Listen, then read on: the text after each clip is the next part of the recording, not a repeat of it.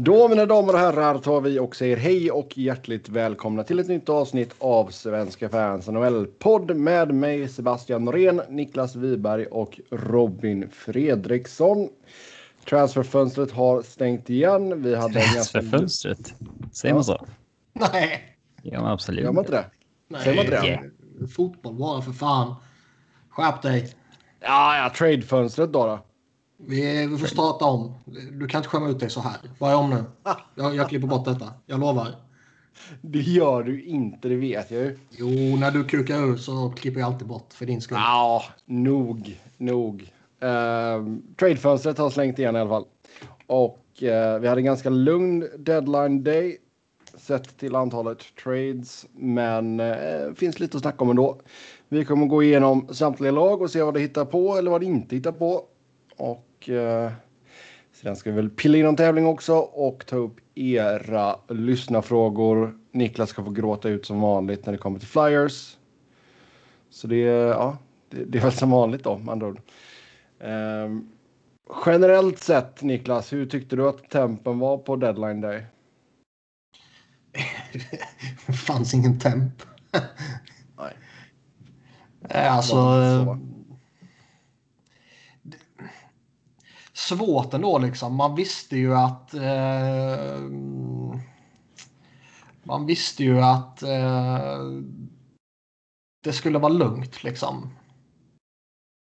Ja, alltså om vi bara tittar på siffrorna så 26 spelare, eh, 17 trades. Så det var det lägsta vi har haft på åtta år. Ja. Eh, Och det är väl inte så konstigt med tanke på att läget är som det är, men alltså det Nej, det, fin- det finns ju liksom jättemånga argument för, för eh, varför det var rimligt och att inte förvänta sig så mycket och så blev det som det blev. Men... Och det var rätt stora grejer som skedde dagarna innan. Mm. Det var ju där de stora namnen rök liksom.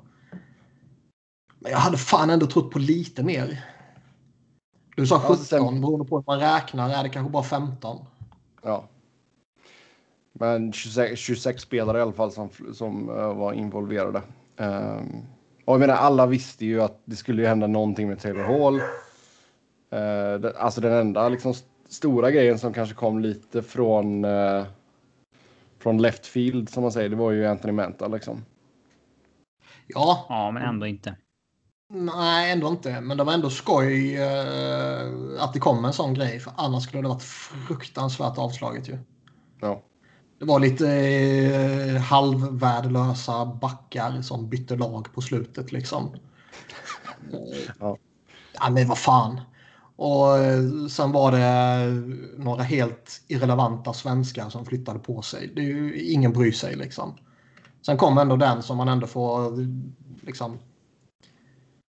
Man får ju kalla den en bomb. Så nog för att Manta hade ryktats vara aktuell. Men man såg ju inte Capsco efter honom. Nej, exakt. Ja, vi kommer komma till den eh, och ta den traden från båda hållen såklart. Eh, vi tar väl och eh, börjar... Vilken, ja, vart ska vi ta och börja? Ska vi ta och börja i Kanada och eh, Scotia North Division här och Toronto. De var ganska aktiva, gjorde eh, lite grejer. Och den stora grejen där var ju Nick Foligno som kom in då från Columbus.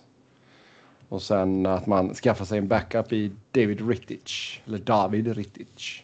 De gjorde ändå fem trades här senaste dagarna. Mm. Så att Toronto går för det är ju ganska självklart. Och det bör man väl göra. Ja, vi ja sagt. visst. Även om de inte. De dundrar ju inte upp eh, toppnamn. Det gör de ju inte, men. Eh, jämfört med Ska alla andra så. behöva med tanke på vad de har. Nej, exakt. Eh, jag tycker att de tar en schysst chansning med Riley Nash som är skadad. Eh, När det bara är ett conditional seventh round pick och det krävs att han ska spela i 25% av deras slutspelsmatcher för att de ska få det där sjunde valet. Och det, eh, det tycker jag är en rimlig chansning. Inget konstigt med det. Jag tycker den är bra. Det är en stark eh, fjärde center. Det händer ju som folk säger inte ett skit när han är på isen. Det hände ingenting offensivt och det hände ingenting defensivt. Han, han är rätt duktig liksom. Mm. Um, Gjorde ändå 41 poäng i Bruins häromåren. Mm. Mm. Sen är, sen är det ju, ja, the king of the nerds utnyttjar ju kryphålen är väl kanske eh, och lägga lite väl mycket negativ värdering i det. Men liksom, han utnyttjar ju möjligheterna här i att han, han tar in Riley Nash som kommer vara borta till slutspelet. Mm. Och de tar in honom sätter honom på long term injury reserve också. När han är good to go så är det inga problem igen liksom. Uh, Dave Rittich in som uh, lite målvaktstäckning. Egentligen inget konstigt med eh, Andersen skadad och Jack Campbell har varit bra, men de litar ju inte riktigt på. De litar ju inte riktigt på Michael Hutchinson. De vill inte hamna i den situationen igen. Nej, exakt. Även om de gillar killen. Mm. I alla fall ledningen. Eh, så att, Ja, alltså eh, även Campbell har ju haft lite skadeproblem. Ja, så att men man- vem fan är Jack Campbell? Alltså, ja, han har vunnit tio matcher, men fan. Uh, sen var alltså, ja, det här är ju. Den här uh, Antti Suomela mot Alexander Barbanov. Jag vet inte, är det ens värt att nämna. Den bryr sig, den är irrelevant. Eh, det här med skickat femte val för Ben Hutton. Eh, det var många. Det var många sådana här eh, liksom. Försvarare för djup som gick sista timmarna. Eh, ben Hutton är väl ändå hyllan lite ovanför det. jag tycker det är en bra värvning. Ja. Han är stabil. Jag har för mig han fick vänta rätt länge på ett kontrakt också. Mm. Vilket eh, var lite anmärkningsvärt. Alltså i, under off-season. Um, det går ju inte att tolka det här som något annat än att de eh, ännu inte litar fullt ut på Liljegren eller Sandin eller vad annat ungt de kan ha underifrån. Utan man, man vill ha ytterligare någon gubbe som eh, har liksom been there done that typ. Vilket alltså, det är Hutton ju- har i lite större omfattning. Ja, det är klart att han har. Uh, fortfarande inte spelat en slutspelsmatch dock. Uh, såg jag nu. Men det där, eh, vad fan. Men visst, han fick vänta lite. Han skrev sitt kontrakt den kommentar fem- Sebbe. 15 januari.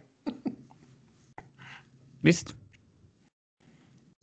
Ehm, Foligno är ju den intressanta grejen.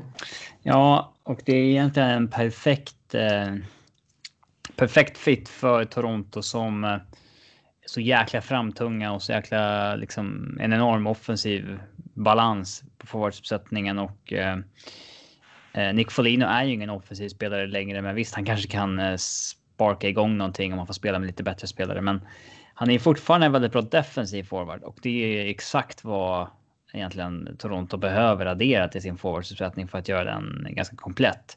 Mm. Eh, men sen är det helt vansinnigt vilket pris de betalar för honom. Alltså det första och två fjärde. Alltså.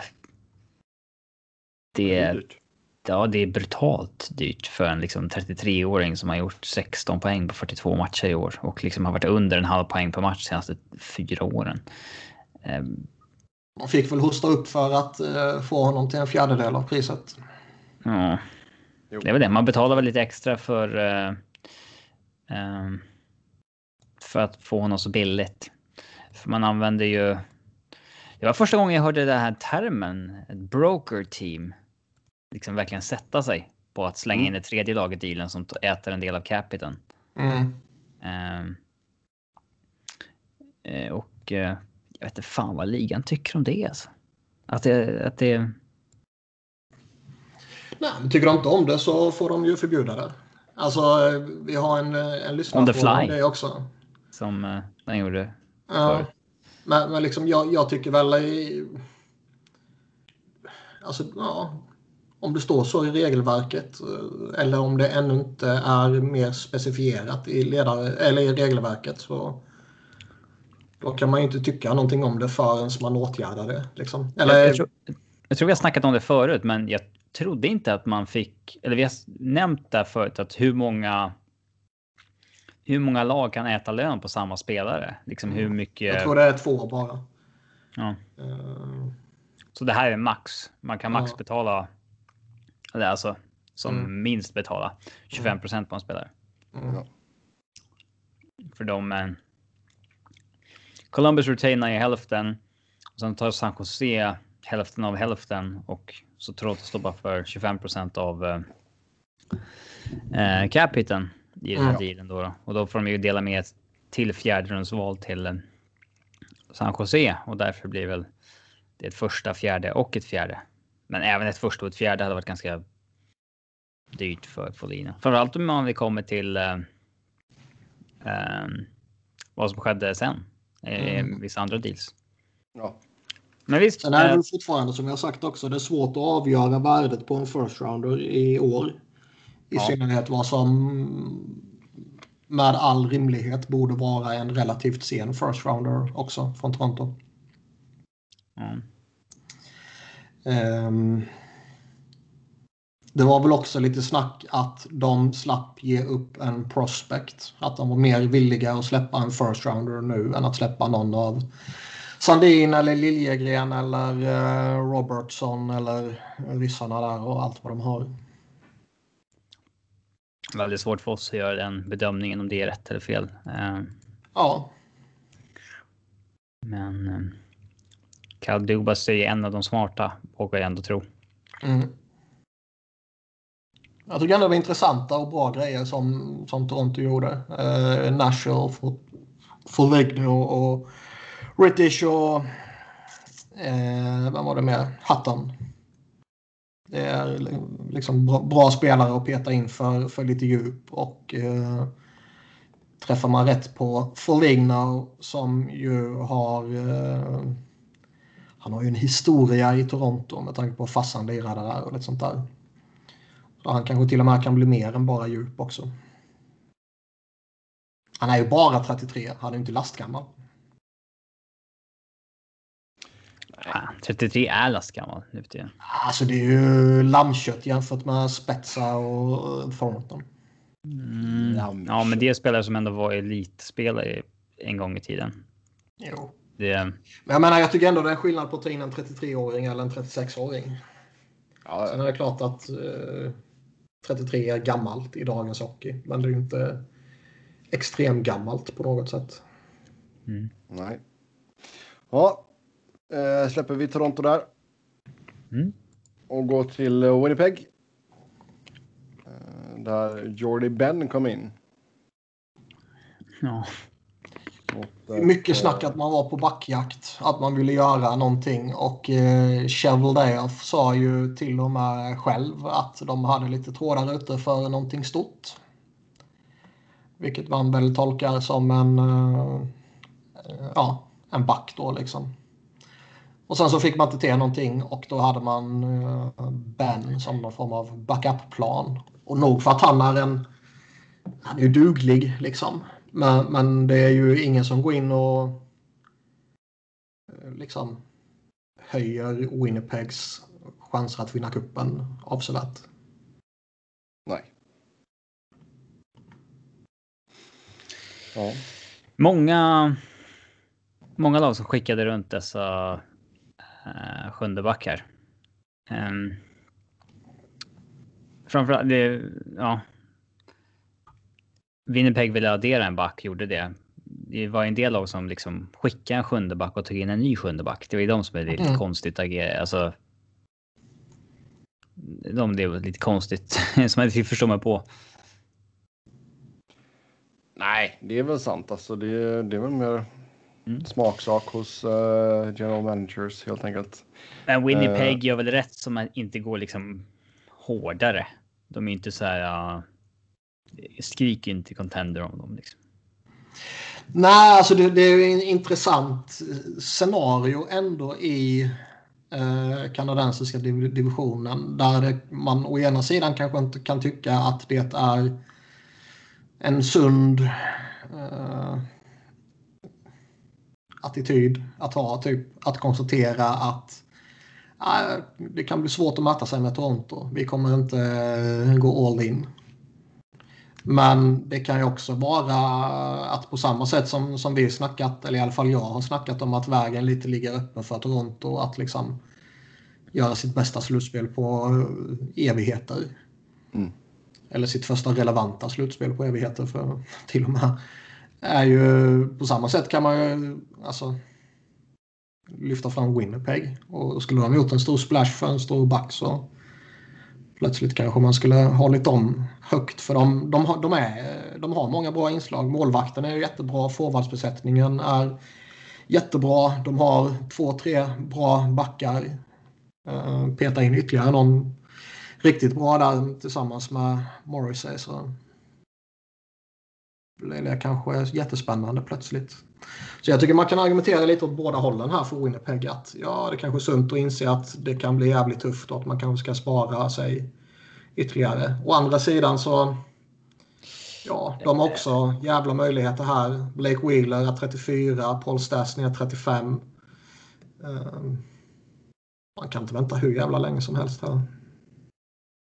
Nej, nej, så är det visst. Men jag, jag kan förstå att man inte betalar priset som ehm, eh, var på en viss David Savard till exempel. Mm. Nej, exakt.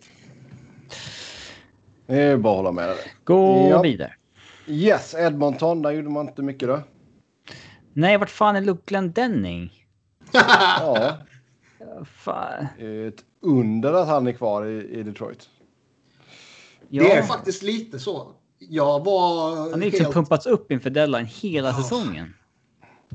Jag var helt övertygad om att han skulle eh, flytta på sig och typ med all sannolikhet landa i eh, Edmonton.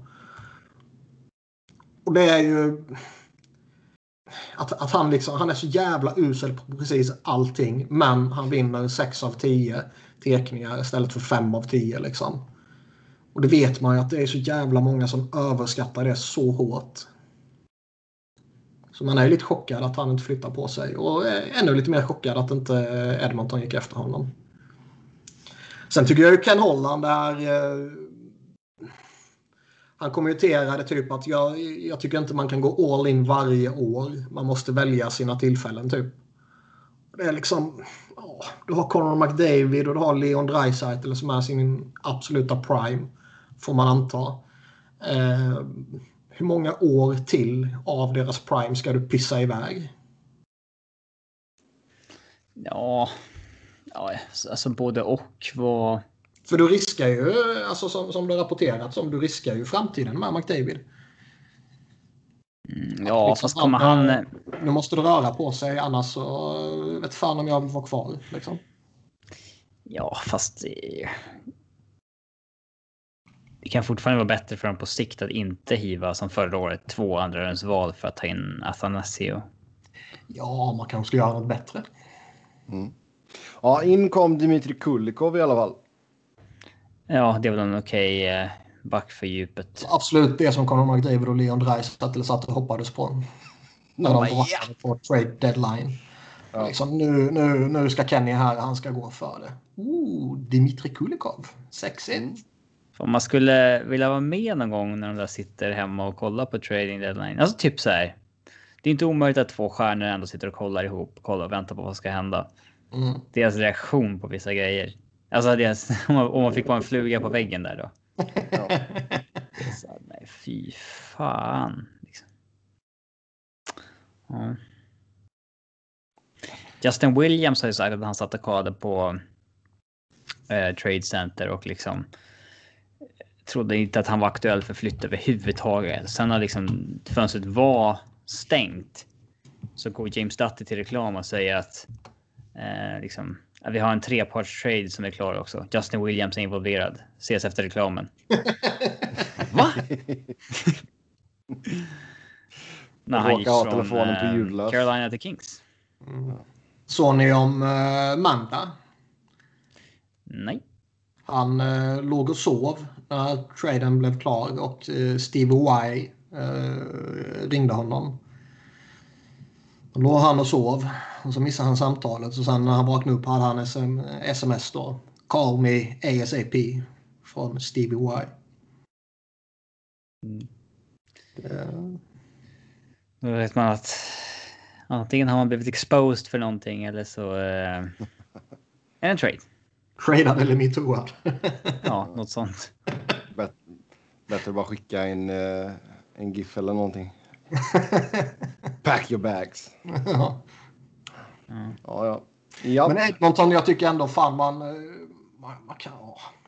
De gjorde en bra grej när de tog in Tyson Barry. eh, och han har ju varit bra för dem liksom. Men Kostar dock ingenting. De kan ju inte offra massa grejer hela tiden.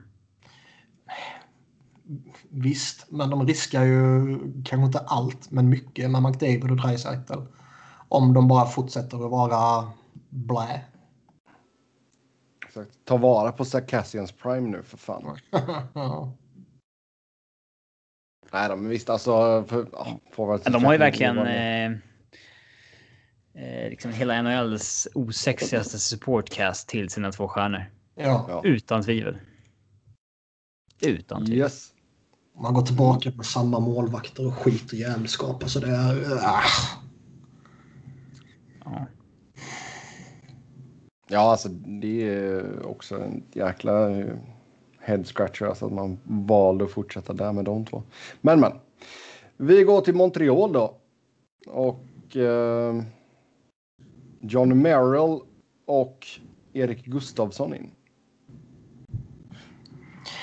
John Merrill är väl en okej spelare att ta in för lite djup sådär liksom. Uh, Erik Gustavsson, Gustavsson kommer ju med... Allting tyder ju på att han kommer explodera så det bara sjunger om det i Montreal eftersom han har varit pissusel. en stark säsong i ryggen som man säger. Ja. Han har varit så jävla usel och han har inte åstadkommit ett skit. Han är åttonde back i Flyers. Eh, han kommer givetvis gå in och dominera i Montreal. Det vet vi Ja. alla. Får lira lite PP och grejer. Ja. Han kommer säkert se fantastisk ut. Det, det är ändå- bara att acceptera det Niklas. Ja, men alltså, det är ändå alltså- fascinerande hur hans... Eh, alltså den här 60 poäng säsongen i Chicago. Hur snabbt det har gått nerför. Oh, ja. Det eh, säger en del om... Eh, ja. Att eh, nästan... Eh, vad ska man säga? Många spelare kan i rätt situation med rätt förutsättningar göra mycket poäng. Liksom. Mm. Oh, ja. Det är ju fascinerande också att de, eh, de släpper ju Victor Mette på, på waivers. ja, åtta Och sen- honom där. Ja. Och, och sen går de Det in är en nedgradering alltså. ja, och på- ersätter honom med Erik Gustafsson. De betalar inget för Erik eh, direkt. Om vi Nej, tar det från visst. Montreal-perspektivet så de får ju honom väldigt billigt. Det finns ju ändå någon form av uppsida där, men Ja, det gör det. Men jag som att- skulle ju hellre betta på den uppsidan som finns på, eller i Victor Mette. ja, men som Barney Stinson sa så new is always better. Mm. Att eh, ibland så. Det känns som att vissa lagen som skickade en back och tog in en ny gjorde det bara för att liksom. Ja, Det är som när vi spelar NHL på dator eller Playstation. ja man vill bara ha något en nytt jävla namn. så liksom. vad fan, nu måste jag någonting. Ja. Ja. Jo. Nej, men alltså, alltså just Gustafssons, alltså hans fina säsong där. Det känns ju som att det var ju lite. Kan ju dra några paralleller till. Um, kommer du ihåg Justin Schultz säsong i Pittsburgh där? 16-17. När han fick lira första PP och var quarterback där liksom. När Letang var borta. Ehm. Så visst, men jag tror fortfarande att Gustafsson kan, kan vara eh, effektiv. Alltså sätt han i kanske ett tredje par och sen låta han lira PP2 liksom. Det kan nog bli bra. Det är klart det finns någonting där. Han har ju bara visat det vid extremt sporadiska tillfällen denna säsongen. Och frågan är ju om det räcker med lite miljöombyte för att hitta det igen. Eller om man verkligen behöver nollställa sig och börja om på nytt i, efter en sommar. Liksom. Ja. ja, vi får väl se då hur det går för Erik. Ehm. Men annars Montreal, alltså känns det som att man kan göra någonting i ett eventuellt slutspel. Nej. Nej. Eller man ska väl aldrig säga nej. Alltså, Carey Price var ju skitbra i bubblan senast. Om, om han träffar formen igen så visst, då kan de göra någonting. Men eh, Inget lag jag går igång på. Nej. Tog in John Nej. Merrill också, sa vi det? Mm. Ja, det sa vi. Det Ja. sa vi. Då skivar de ju liksom eh, en back, tar in två. Det är väl ändå någon form av förstärkning då får man väl säga. Och det kom ju ett spännande backrykte om dem. Backrykte. Har du läst körschemat Sebbe? Eh, nej. Nej. Jag håller på att läsa just nu. Ja, det går jävligt långsamt för dig. Det är punkt två. Ja, ja, ja. Montreal var sugna på Tony D'Angelo om Rangers köpte ut honom. Jo, men det såg jag ju. Vem har sagt det Ja. förresten?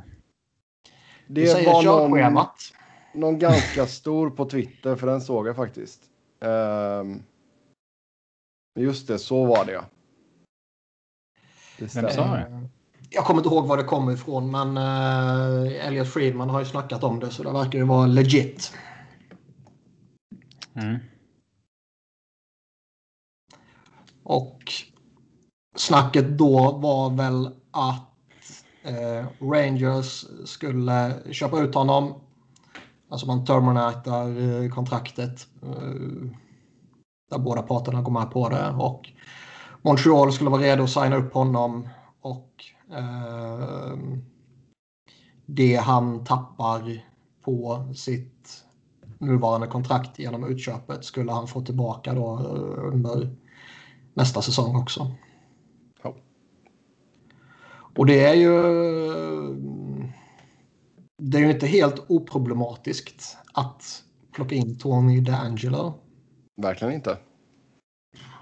Du ska säga att, sägas att han ville ju själv inte det här. Det var han som tackade nej till att uh, terminata kontraktet. Utan han verkar väl tro då att... eh, eller han, Pengarna. Vad sa du? Han vill väl ha sina pengar? Ja, men han kommer väl då bli utköpt till sommaren istället när det är ett riktigt buyout window. Och eh, då tycker han väl att han kan få sina... Eller han kan få bättre förslag. eh, Eller kanske fler förslag framåt sommaren. Ja. Och skulle inte tappa lika mycket pengar heller. Ehm, även om han då hade fått indikationer på att han skulle få tillbaka pengarna. Eller liksom få betalt av eh, Montreal i detta fallet då. Men visst. Vem var det? Var det Winston Bogardet som bara satt i typ flera år och bara lyfte lön? Ja, han ruttnade på bänken i Chelsea var det va? Mm. Och i Barca sen va? Eller var det innan där? Ja, jag kommer inte ihåg. Men det var, han satt, det var väl han som satt i typ alltså, Ja. flera, flera år verkligen och typ fick träna med U18-laget. Ja, Jag vet Han inte bara, hur länge det var jag vet inte hur nedtryckt han var. Men han satt ju Ja. och bara eh, hämtade ut sina checkar. Lite som Mesut Özil gjorde också. Ja, ja, ja, ja. ja. Eh, men Montreal i alla fall, alltså i, i nuläget ser det ut som att man har en ganska säker slutspelsplats i alla fall. Då är åtta poäng till godo när vi spelar in detta. Eh, De gjorde väl till- grej när de gick efter Eric Stahl också. Ja, det var ju deras stora grej, absolut. Det var det ju. Så visst. Eh, vi går till Calgary då. Och eh, fl- flopplaget Calgary. Får man nästan säga. Um, Får säga Sam ben man skickade Sam Bennett till eh, Florida. Och man skickade Rittich då till Toronto. Och in får man alltså ett tredje rundsval för eh, Rittage i draften 2022. Och sen fick man ett andra rundsval 2022 för Bennett. Och eh, rättigheterna till Emil Heinemann. Alltså, de släpper Rittich är väl, eh, det är väl vad det är. Liksom. Man har chans att få någonting för honom och det är lika bra att släppa honom. Liksom. Ehm, att man släpper Bennett var väl väntat på ett sätt eftersom det var lite snack för några veckor sedan om att han ville bort och sådär. Um, däremot känns, så... Hans namn har ju varit på tapeten aslänge känns det ju som. Ja, men han är ju misslyckad draftval. Liksom. Ja. Eh, det kommer alltid ryktas om dem. Och det som kanske är lite anmärkningsvärt är väl att han har väl kanske sett lite bättre ut sen coachbytet och har ju själv pratat om att eh, det, det typ funkar bättre nu.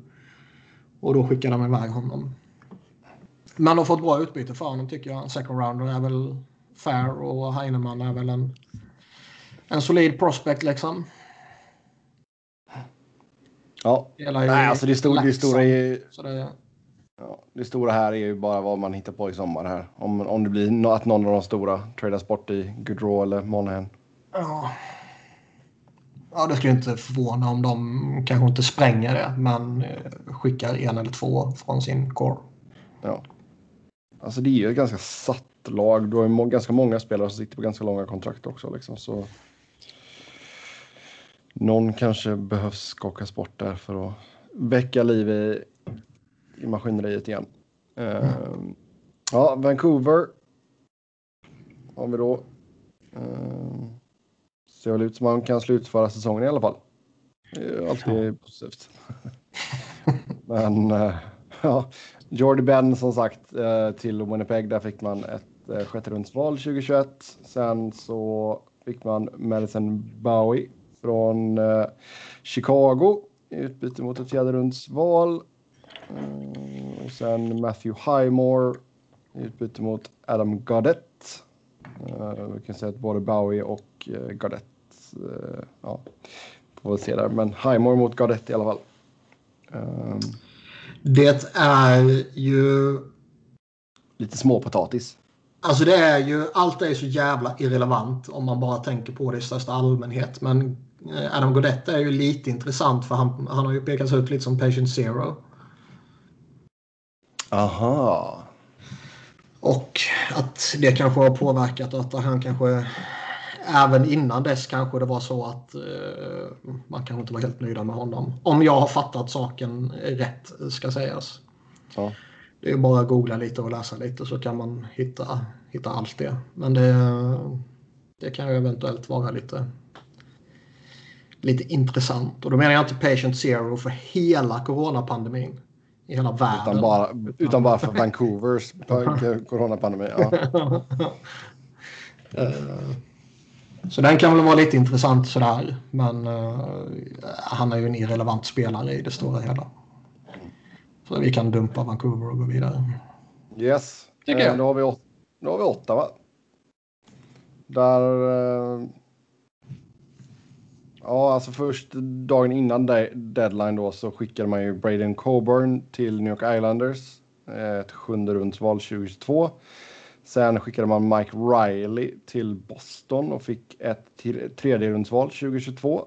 Och sen på deadline day så skickade man Air Branson till Nashville och eh, fick ett eh, sjunde rundsval 2023 och Brandon Furta, Fortunato. Fortunato. De gör ju rätt som skickar sina tillgångar för lite pix. Även om det inte var de allra mest sexiga pixen. Så har de ändå... De, har- de, de har varit bra på att samla på sig pix. Och uh, fortsätter göra det. Det är alltid nyttigt när man är i deras läge. Ehm, så de gjorde väl vad, vad man kan kräva av dem. Typ. Ja, alltså det, det känns ju inte som att marknaden för Zingle eller Han gör ju Artem- bara mål i Anis- Ottawa, alltså. Ja, Artem Anisimov var så där jättehet heller liksom. Så det är annars kanske in på det du kan liksom. Ehm, om något så det var, var det väl bara segt för dem att Derek Stefan är skadad liksom. Ehm, Och sen som vi sa tidigare, de plockar upp Victor Mette. Vilket jag tycker är eh, mm, en bra lätt. chansning för lagen där nere. Oh, ja. Ja, det är bra. Alltså, de hivar ju iväg tre backar liksom. Mm. Det, det förvånar mig väl lite att liksom värdet på Coburn och Goodbranson är så lågt med tanke på deras anseende bara för något år sedan. Eh, Så ju massvis av sådana backar går för jättelåga draftval. Det var... det ja, visst, men eh, bara, kanske. det är väl fair att hockeyvärlden nu har insett att Eric Goodbranson är en replacement level back. Liksom. Ja, Eh, men vi kommer väl till det när vi snackar Nashville. Det är ändå det femte laget som tradar för honom. Ja, visst. ja. Eh, Coburn är ju... Han var ju jättebra en gång i tiden, men nu är han ju... Då är han ju bara extra back i Islanders liksom. Ja, men det, alltså, ja, det påminner. Alltså, det är ändå konstigt att det är liksom ett sjunde vi snackar där för en så meriterad spelare. Mm. Tycker jag. Det, Sjunde 2022 också. historiskt sett så har det ju varit lite högre val på sådana här backar ändå. Men man noterar det på all, alla pixen som Ottawa tar in är ju 22 eller 23. Det är ju ingenting nu när det finns en rätt stor osäkerhet kring den. Och man hoppas Nej, att det kommer vara lite säkrare 22. Det kanske inte spelar någon jävla roll för ett sjunde val, men för tredje val kan det vara skillnad ju. Oh, ja. ja, då går vi över till Honda och Väst. Och eh, Colorado i topp där. Eh, Den nionde så tradar man till sig Patrik Nemeth som återvänder då till Colorado. Eh, Fjärde rundsval 2022 till Detroit. Och eh, Detroit retainar ju hälften på honom också. Eh, Mm. Så Nemeth in för en och en halv milla i capita. Det var ju kul för vi pratade ju om det förra avsnittet. Gjorde vi? Ja, jag sa det. Det kommer bli Patrik Nemeth på halva. Och så blev det så. Så varsågod. Mm. Det tror jag absolut inte du sa. Det låter som eh, eh, att du Jag kanske sa det. Nej, låter jag som sa att jag sa det. Mm. Sen... ehm, Någon sa det i alla fall. Ja, någon sa det. Men Nemeth tillbaka i alla fall. Och det är väl en helt okej uh, djup Eh. eh, spelare. Ja, exakt. Det är en spelare som har bra eh, underliggande statistik liksom i eh, på det han är bra på. Han eh, är ju bra på det han är bra på och sen är inte så mycket mer så att säga. Det, det är en defensiv back liksom. Ehm, och eh, man behöver faktiskt en sån i och med att Eric Johnson är långtidsskadad och så vidare. Och skulle behövt en lite stabilare pjäs i sista backparet istället för att snurra på eh, AHL-backarna man haft. Man har ju provat alla man har under kontrakt i AHL. Inte för att någon har gjort bort sig, men man har ändå provat alla. Mm. Det, det vi se vad de har i fascinerande. systemet.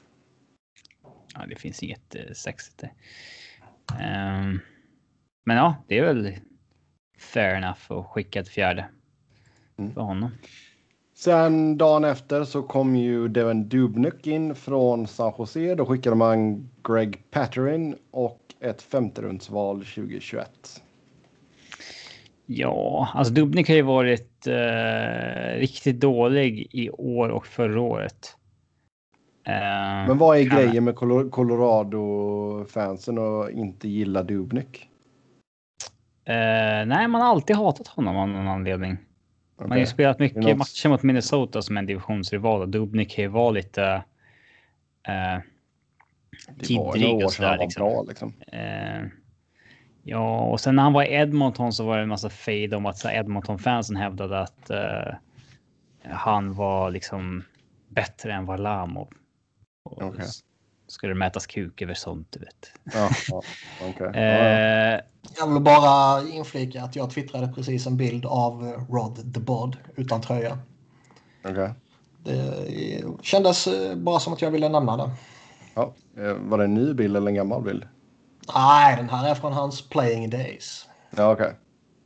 För det var väl någon bild från Fan, vilken stor näsa han som har, alltså. fick... Helt sjukt. eh, Ja, jävla i mig. Det var ju när de hade någon eh, sån här aktivitet ute. De spelade baseball eller någonting.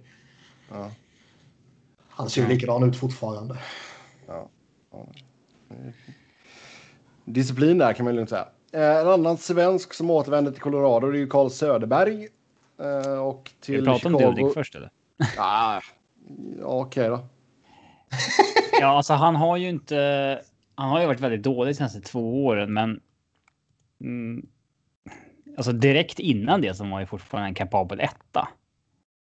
Så jag vet inte. eh, Men vi har ju samtidigt pratat om att målvakter kan bara Fall fall off a Ja. cliff i en viss ålder och eh, det är inte omöjligt att Dubnik gjorde det, men.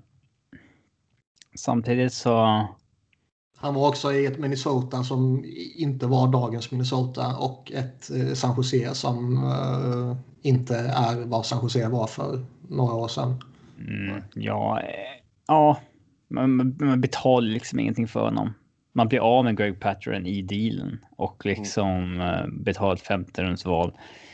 Jag ser inget problem med det nu. Alltså är François skadad säsongen ut som de har sagt så då är det bara plocka in en till.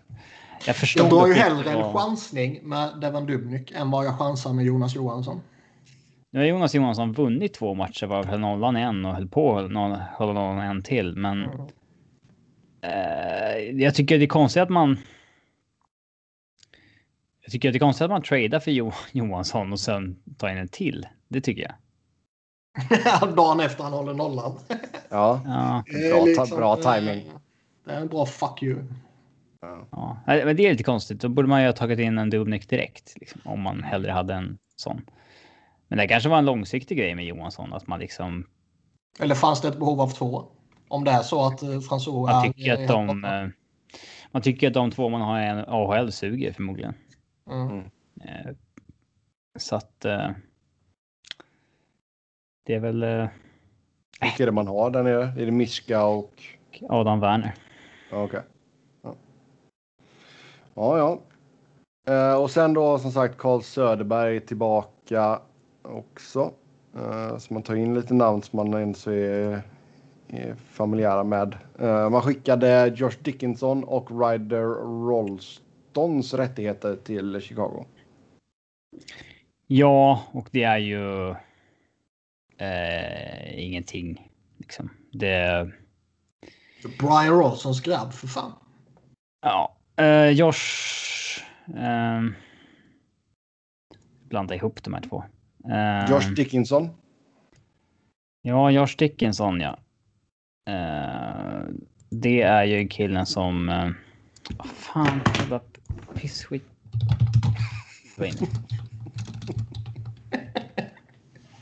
Ah.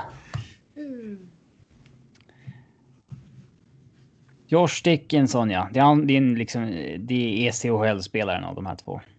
Ja. Eh, Rolston är den som spelar kvar i college. Man har liksom gjort ett mål på 28 matcher. Eh, det noterbara med honom är väl att man tradade ju upp i draften förra året för att ta honom.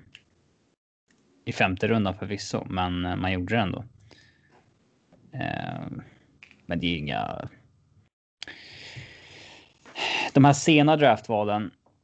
Du ser ju oftast ett år in på dem om det, om det var, blev bra eller inte. För att Mm.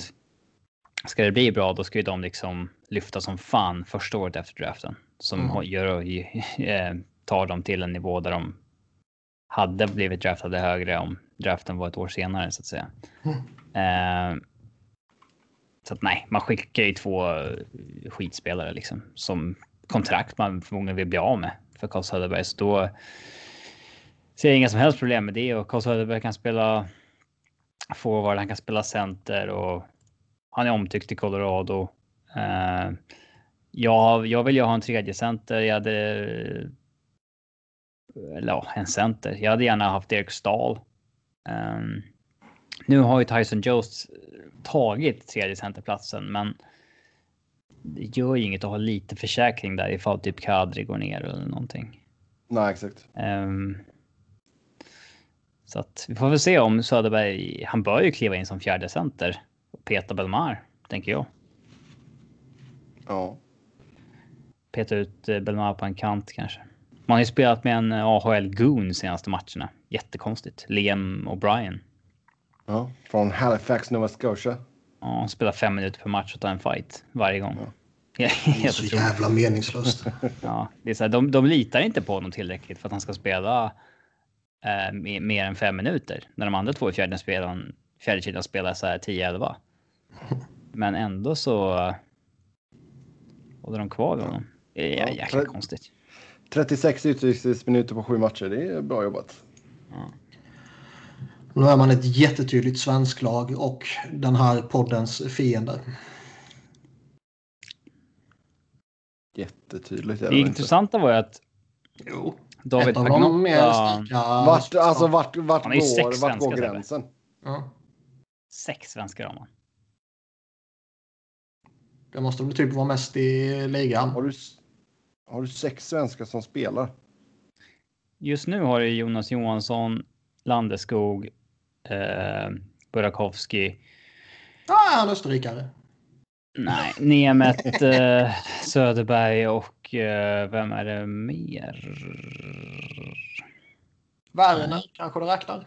Nej, nej, det är de fem nu. Johansson är ju i taxiskålen nu också, så han faller bort.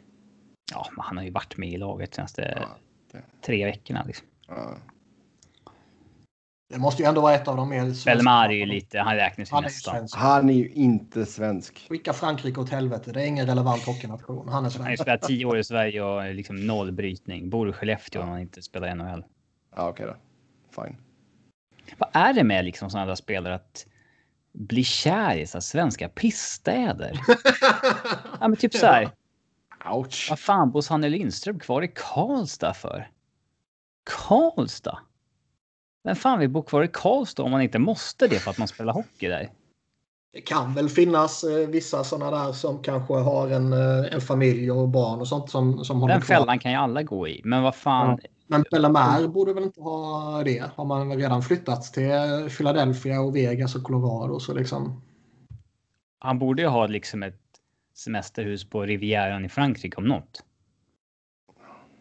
Sen alla kan inte bo i liksom Stockholm, Göteborg, Malmö, Uppsala heller. Liksom. Han bara, jag, jag tar smällen och bor i Skellefteå.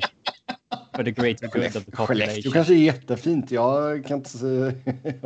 Jag tror inte jag har varit i Skellefteå. Nej, men fan har det. Den här kommer ju från Paris. Han kommer ju Ja. inte från liksom... Kommer ju från storstan liksom. Ja.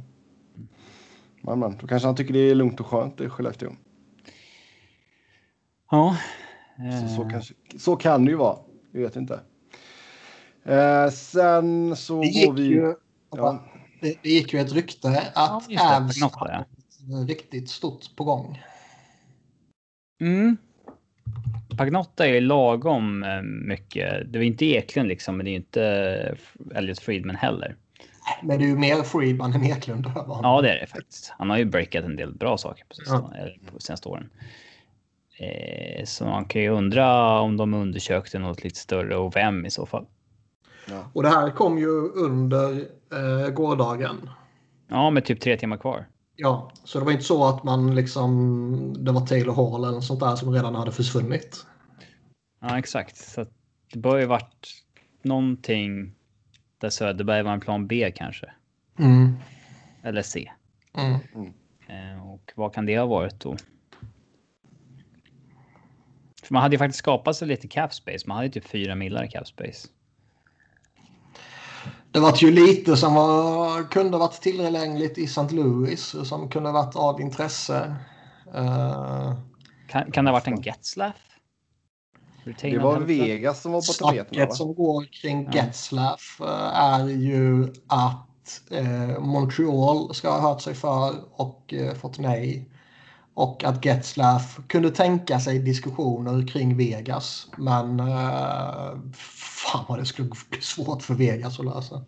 Hmm. 8 miljoner, även om man får ner det kraftigt så är det ändå, eh, de är ju så tajta mot lönetaket att de har fått spela med eh, färre spelare i vissa matcher liksom. Ja, det är helt sant. Men vi går väl till Vegas då. Och där tog man in Mattias Janmark. Uh, Vi är bättre på dina segways Sebbe.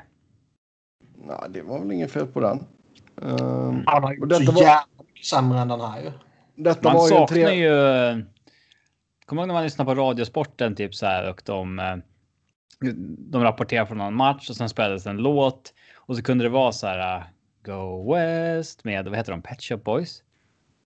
Ja, det är det nog. Ja, det är det. Kommer de tillbaka och så här, ja det var Go West med Pet Shop Boys och vi gör väl det, vi går västerut och tittar till Skandinavium. Mm. eh, där Frölunda ligger under 07 mot Ja. HV71. Jaha. De måste du Ja. jobba på. Så. De måste jag jobba på. Vi får börja lägga in lite musik här och i podden nu. Eh, men i alla fall, tre, detta var ju en sån här trelagstrade. Så Mattias Janmark går från Chicago till Vegas via San Jose. Som uh, retainar hälften på han då. Och eh, det hela slutar med att Vegas får Mattias Janmark och Nick DeSimoni. Eh, och ett femterumsval 2022 man skickar ett andra rundsval 2021 Ja, och ett rabbla allt sånt där skit. tredje rundsval 2022 till Chicago. Eh, och sen så fick eh, Sharks ett femte rundsval 2022 för att eh, ta på sig eh, lön då helt enkelt på Jan Mark. Det, är ju, det säger ju allting om vilken pissig trade deadline det var när Mattias jävla Janmark är etta på TSNs eh, sån här trade eh, bait board. Jag tycker att det är en ganska småfin spelare, men fan vad så här mycket är han inte värd heller i, i pris. Jättekonstigt. Det är väl samma sak där, att de lyckas tvinga fram lite dyrare för att de retainar så, så mycket gånger två. Mm. Ja, Så hans, så cap, han- så hans, alltså hans capita är ju 562 500 bara för Vegas. Så det är ju det är ju bra jobbat med tanke på deras eh, situation mot taket där. Bör vara bra polare med William Karlsson också, va? Gnagar-killen. Det vet jag inte om de är... Ja, sånt har jag absolut på, givetvis. Nej. Men visst, det är väl lite, det är ju bra djup för dem i forwardsuppsättningen. Uh, är ju definitivt en av favoriterna såklart. Mm. Så nej, de ser starka ut. Det gör de verkligen. Eh, men som sagt, alltså lite snack om, om Getzlaff. Det hade ju varit coolt på ett sätt kanske, men. eh, ja, vet fan. Jäklar vad man har behövt trolla då. Men men. Eh, Ah, till, kanske, men alltså uh, åtta och sen hälften på det är fyra och sen hälften på det är två. det är två. Ja. Det är ju liksom, det räcker ju att skeppa ut någon jävel. Men då ska man göra det också och det kanske man inte vill. Ehm, och den, alltså, de, de var verkligen så jävla, eller de är så jävla tajt mot taket så det var svårt för dem att lösa 500 000 bara som det var för Jan, Janmark. Och Mm. två miljoner för Getzlav skulle... Fyra gånger så jobbigt. ja, Ja. det Nej, men alltså då, då hade du ju. Det är väl Chandler Stevenson som hade ryckt i, det läget. Ehm, antagligen. Om inte någon skulle få för sig att vilja ha Braden McNabb. Ehm, så visst. Men nej, Vegas ser bra ut. Ehm, vi går till Minnesota. Och. Uh, ska vi se, där får vi upp deras. Ehm, ja. De gjorde ett tweet. De gjorde ingenting. Och det kanske de inte ska göra heller. Det känns ju som att de sitter i någon form av ingenmansland. Om de bara tuggar på så har de ju en säker slutspelsplats. Och de kommer aldrig kunna rå på Colorado eller Vegas. Det är hockey, men. Ska mycket till för det. Det tror jag. Givetvis, Men... Det är väl kanske rätt av dem att, bara chilla och eh, eh, ja, hoppas att det fortsätter gulla på som det har gjort. Japp. Ja, sen har vi St. Louis. De gjorde inte heller någonting. Nej, men det snackades lite om eh, några spelare där. Mike Hoffman ska ju ha varit tillgänglig. Det kanske till och med var så att Jaden Schwartz kunde ha varit tillgänglig och Tyler Bosak kanske var tillgänglig.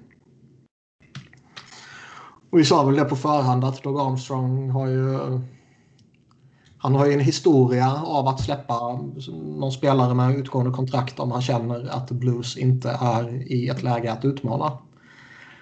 Och det är de kanske inte i år. De ser inte riktigt så starka ut även om de är på slutspelsplats just nu. Nej, alltså jag tror hade man fått ett eh, vettigt, alltså Hoffman hade man ju till och med bänk eller liksom lämnat utanför för att liksom se till att han inte blir skadad. Så, men det, är- man kanske hade ett för högt pris på honom helt enkelt. Mm. De har sett skitdåliga ut i år. Plus. Ja. Så visst. Men eh, nej, de är ju, de, de är ju bubbellag nu liksom. Så det är, blir intressant där att se. Det är ju ganska många lag som är i närheten där. Blues ligger ju fyra just nu när vi spelar in med 44 poäng och sen har du ju Arizona en poäng bakom och Sharks fyra poäng bakom.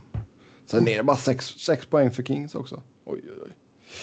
Så visst. Ehm, Arizona.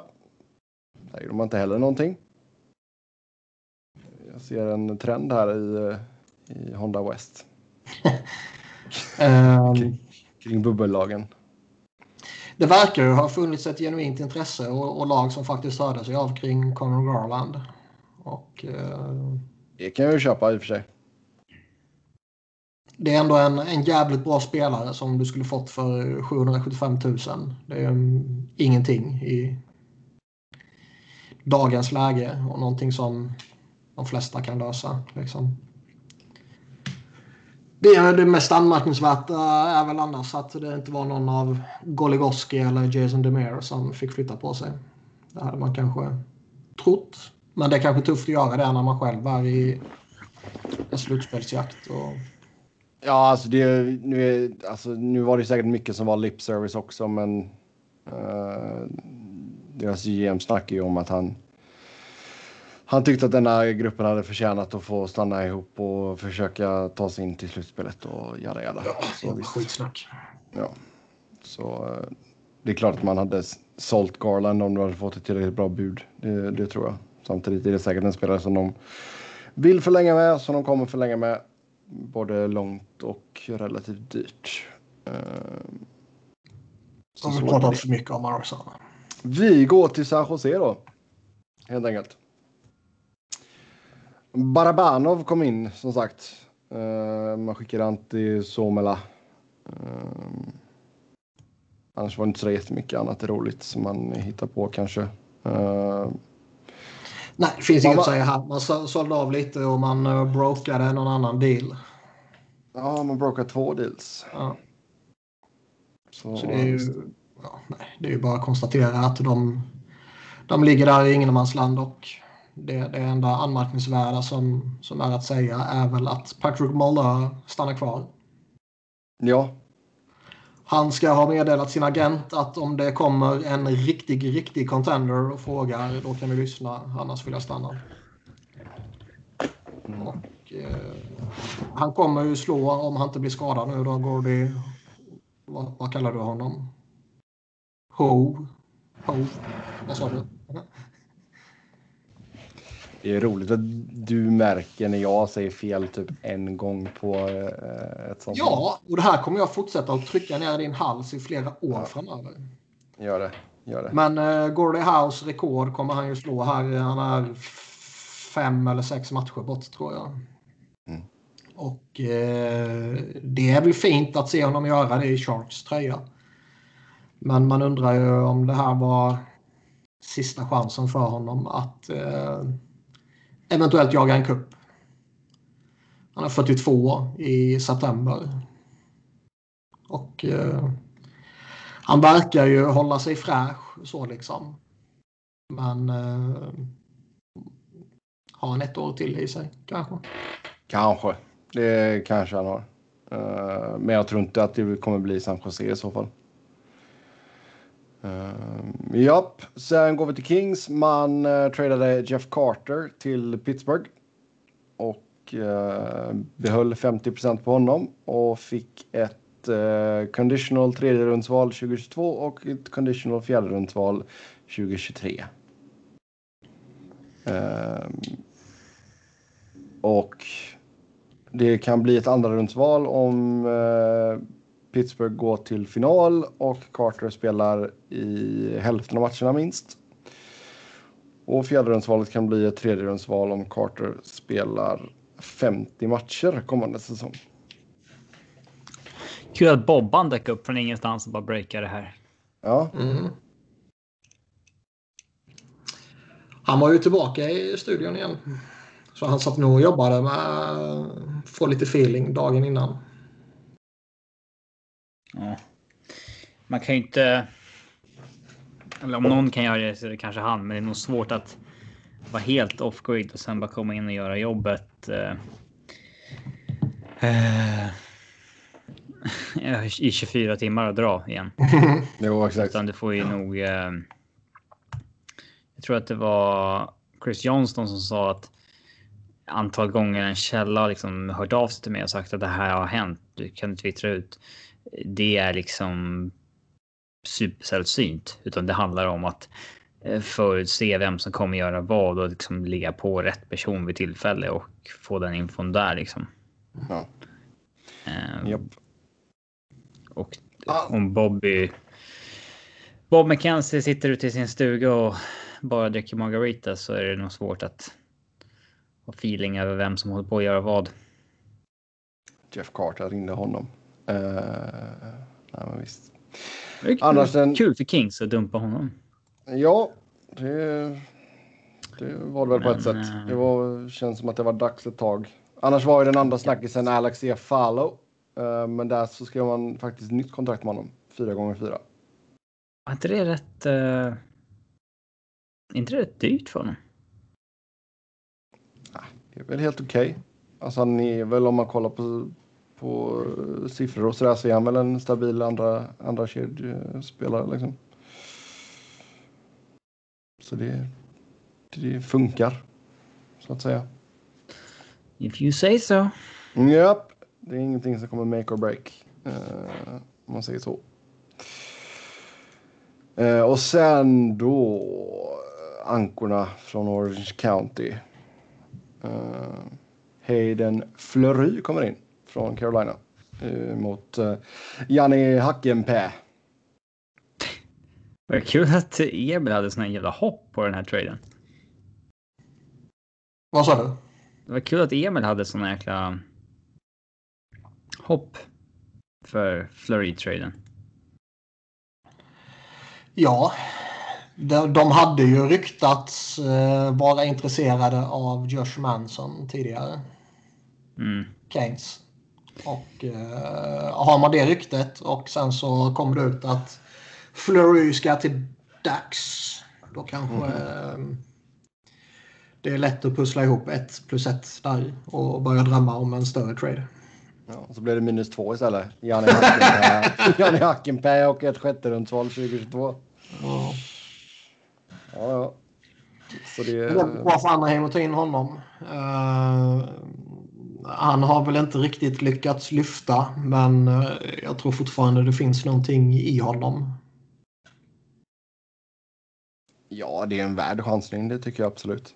Ja, han var ju tämligen fast bakom, eh, bakom backarna i, i Keynes där också och kanske kan få någon liten större chans i Anaheim. Ja. Och sen så skickar man då Ben Hutton till Toronto som vi redan snackat om. Uh, fick ett femte rundsval 2022 där. Så, Ja. ja.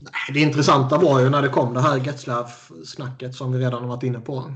Uh, Rickard Rakell ska ju ha varit uh, eftertraktad också men eh, det kanske blir någonting för sommaren där istället. Mm. Ja, då tar vi och glider vidare till Discover Central Division och Tampa Bay där det trollades. Eh, plockade in David Savard. Det var den stora grejen där. Så David Savard hamnade i eh, Tampa Bay från Columbus via Detroit. Så det var en till sån här trelagstrade då. Eh, men man skickar alltså ett första rundsval 2021 och ett tredje rundsval 2022 till Columbus. Eh, och sen ett fjärde rundsval 2021 till Detroit för att de skulle behålla lön då. Så fick man in David Savard och Brian Lashoff också. Ska jag väl säga. Eh, och sen eh, tog man även in Fredrik Claesson från Sharks i utbyte mot eh, rättigheterna till Magnus Krona. Jag tycker det är eh, ett högt pris man betalar, givetvis. Men jag tycker det är en nyttig spelare man får in. Eh, vi sa väl det på förhand att det, liksom, det finns ett behov av att stärka upp högersidan i försvaret. Ja, Den är jävligt, eh, viktar över jävligt hårt på vänstersidan där med Hedman, McDonough och, och Sergachev. Och sen har man Cernak och, och liksom skräp eller nästan skräp. Att peta in Savard där, det ser ut som han kommer gå in med Hedman till att börja med. Alltså det, det tycker jag är stabilt och bra. Ja, om det Pusselbit som, som passar dem, men jag tycker priset är eh, rätt vansinnigt här faktiskt. Jag, ja, han var bästa backen tillgänglig, men liksom, han är inte en back värd så mycket tycker jag. nej, men samtidigt så alltså, jag kan ju köpa att Tampa slänger upp det ändå liksom. Det, de har ju ett så pass bra lag så de skulle lätt kunna gå och vinna igen liksom. Ja, vad fan går för att vinna två raka cuper nu? Det, det har de ju 100% i sig. Oh ja. Nej, de ser ju riktigt, riktigt, riktigt farliga ut. Eh, Och vi vet ju inte heller. Liksom, det, det, det kan ju vara sista året här nu innan lönetaket verkligen kukar ur deras möjligheter. Ja, där det är så här äh, dumpa tre gubbar liksom. Ja. Mm.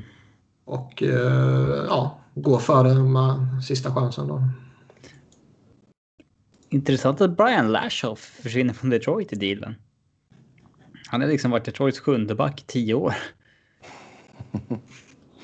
Ja. Yes. Eh, då... Nej då. Go win a cup. Ja, han klarar sig. Eh, Carolina då.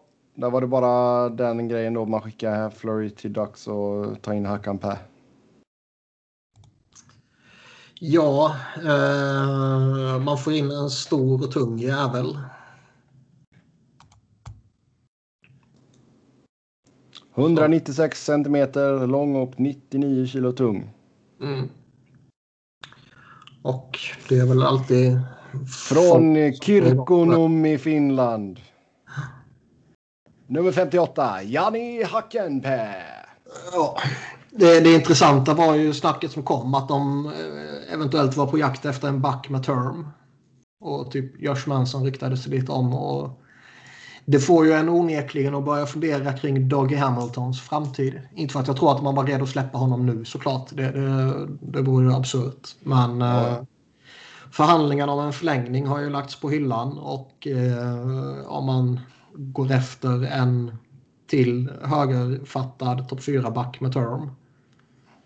Så borde det kanske kunna indikera på att man har någon man vill ersätta så småningom. Jo, exakt. Alltså jag skulle kunna köpa ifall Dougie vill kolla marknaden också i och för sig. Ska till Flyers. Skulle nog kunna få ett ganska bra kontrakt tror jag. Nej, men Chuckyboy hostar upp eh, ett åt helvete för stort kontrakt. Men det är det värt. Ja, vi får väl se här. Ryan Eh. Sutter-kontrakt. Ja. Ett lag som var eh, jäkligt aktiva ändå får vi väl säga. eh, sista veckan här. Det var ju eh, Florida. Eh, Brandon Montour in. Man skickar ett tredjerumsval till Buffalo. Och så Sam Bennett in också. Då.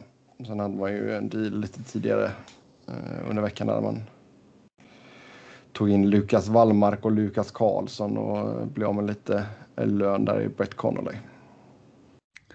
Jag ser ingen riktig eh, eh, charm i Sam Bennett. Alltså det- jag ser inga större uppsida i den traden. Ehm, Nej, dyrt pris också. ja. Eh, betalar rätt mycket för honom. Att Brandon Montour ska hitta rätt efter liksom lite jobbiga år i, i Buffalo, det kan jag faktiskt tro. Det tycker jag är en bra trade. Det är en third rounder för honom. är Klart överkomligt. Mm. Han kan vara en bra back liksom 4-5 år från. Det vet vi inte. Eh, det intressantaste är att det är de som lyckas eh, signa Nikita Gusev dock. Ja. Ja, Gusev blev utköpt och sen så eh, då var de snabba där. Jag såg väl vad coach Q kunde göra med Panarin i Chicago.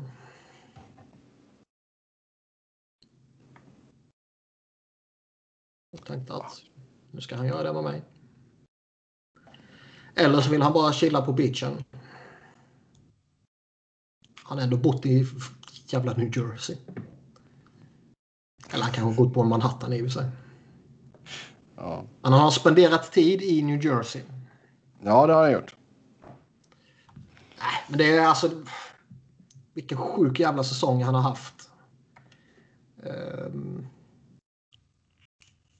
det, det är ändå en spelare som när han blev utköpt där så eh, skulle jag vara i ett läge där man eh, på något sätt kan utmana så skulle jag gått hårt efter honom. Det är lika intressant om man inte kan utmana eller? Eller vill han bara gå till någon lag som kan utmana? Nej, nej, det väl visst givetvis. Men jag, man, när det kommer framåt den här perioden så är det väl utmanare man tittar på. Jo. Alltså, Nej. Det, alltså det, jag tycker det blir väldigt intressant att se hur det går för honom här nu. För det, skulle det gå skit här också så finns väl risken ändå att han tar sitt pick och pack och återvänder till KHL. Ja, det finns absolut den risken. Och jag menar vad fan, han kanske tokfloppar i Florida också. Alltså den här hela säsongen åt helvete och så sticker han hem. Det finns ju absolut den eh, risken. Men det finns ju också någonting eh, som är jävla attraktivt med tanke på förra säsongen. Det finns ju någonting i honom. Och, Ja, ja, som- herregud. kan man få honom eh, på ett billigt kontrakt här i, i några månader. Liksom. Nu kanske han absolut ville till Florida men liksom, det borde vara en jävla huggsexa kring honom. Mm. Edmonton som vi nämnde tidigare, liksom, de skulle ju gått hårt som fan efter honom. Se om man kan hitta en Ja. jävla lekkamrat till uh, McDavid och eller Dreisaitl. Ja, alltså det kan jag absolut köpa att det är flera lag som borde gått efter honom. Och det, det har varit tråkigt ifall han försvann från ligan. Det tycker jag verkligen. Ja, vi går till Nashville och där var det då Eric Goodbranson som var deras eh, grej. Mm. Nej, Eric Goodbranson är din grej. Mm. Ja, för fan. Den är konstig. Alltså, Ja. De har Goodbranson. han ger ju har, ingenting liksom. Nej, de har Mark Borowiecki och de har Lukas Bisa i samma, eh, på samma roster. Och visst, Borowiecki och Spisa är skadade nu, men liksom vad fan. Ja, alltså fan David Polsky var en av de bra ändå. Ja, Vad han på med? Nej, det, det, ja. Den är märklig alltså. Oh ja. Men men. Han är penning-UFA i alla fall. Ja, Är det uppsida med en spelare du tar in, då är det illa.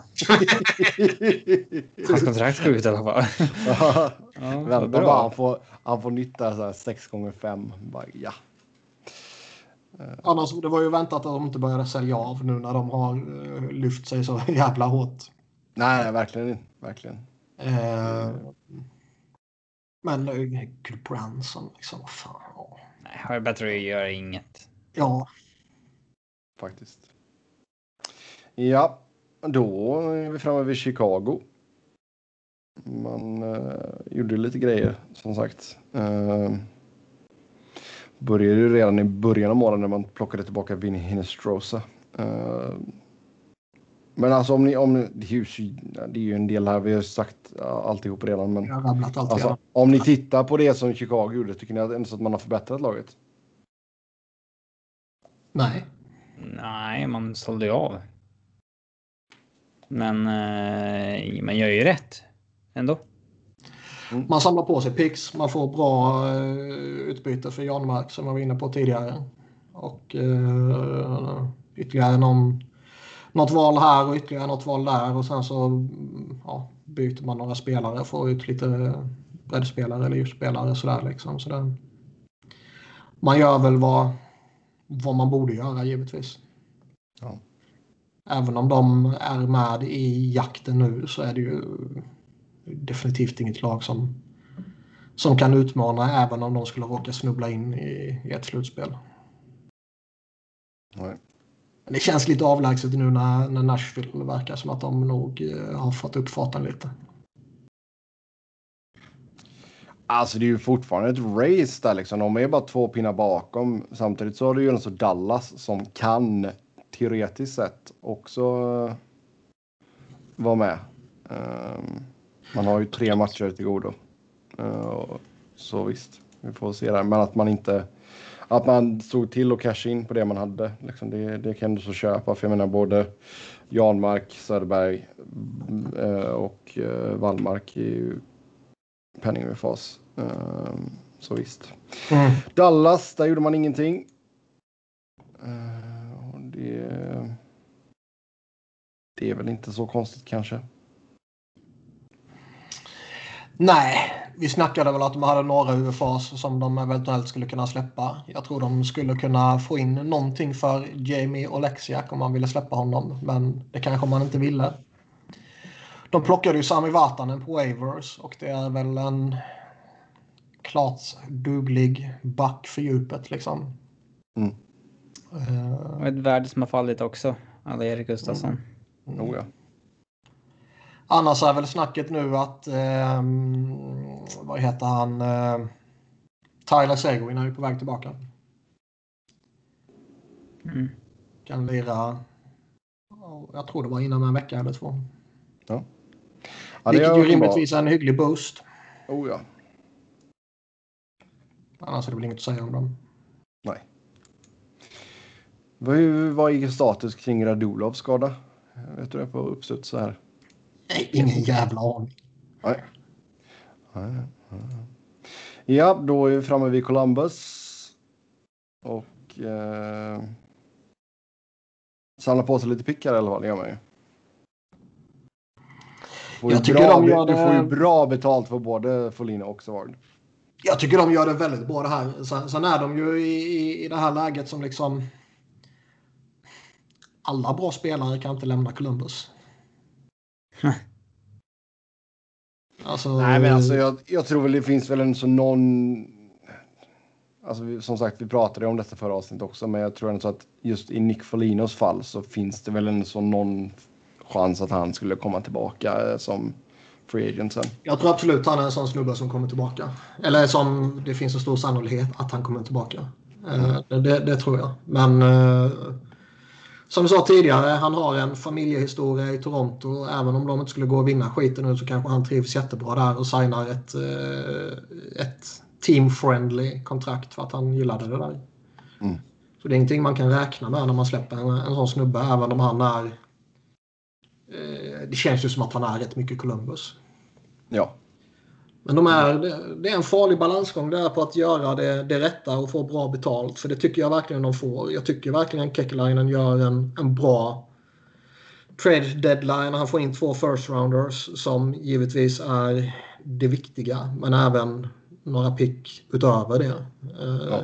Jag tycker han gör det jättebra. Men, men som sagt. Alla bra spelare kan inte lämna.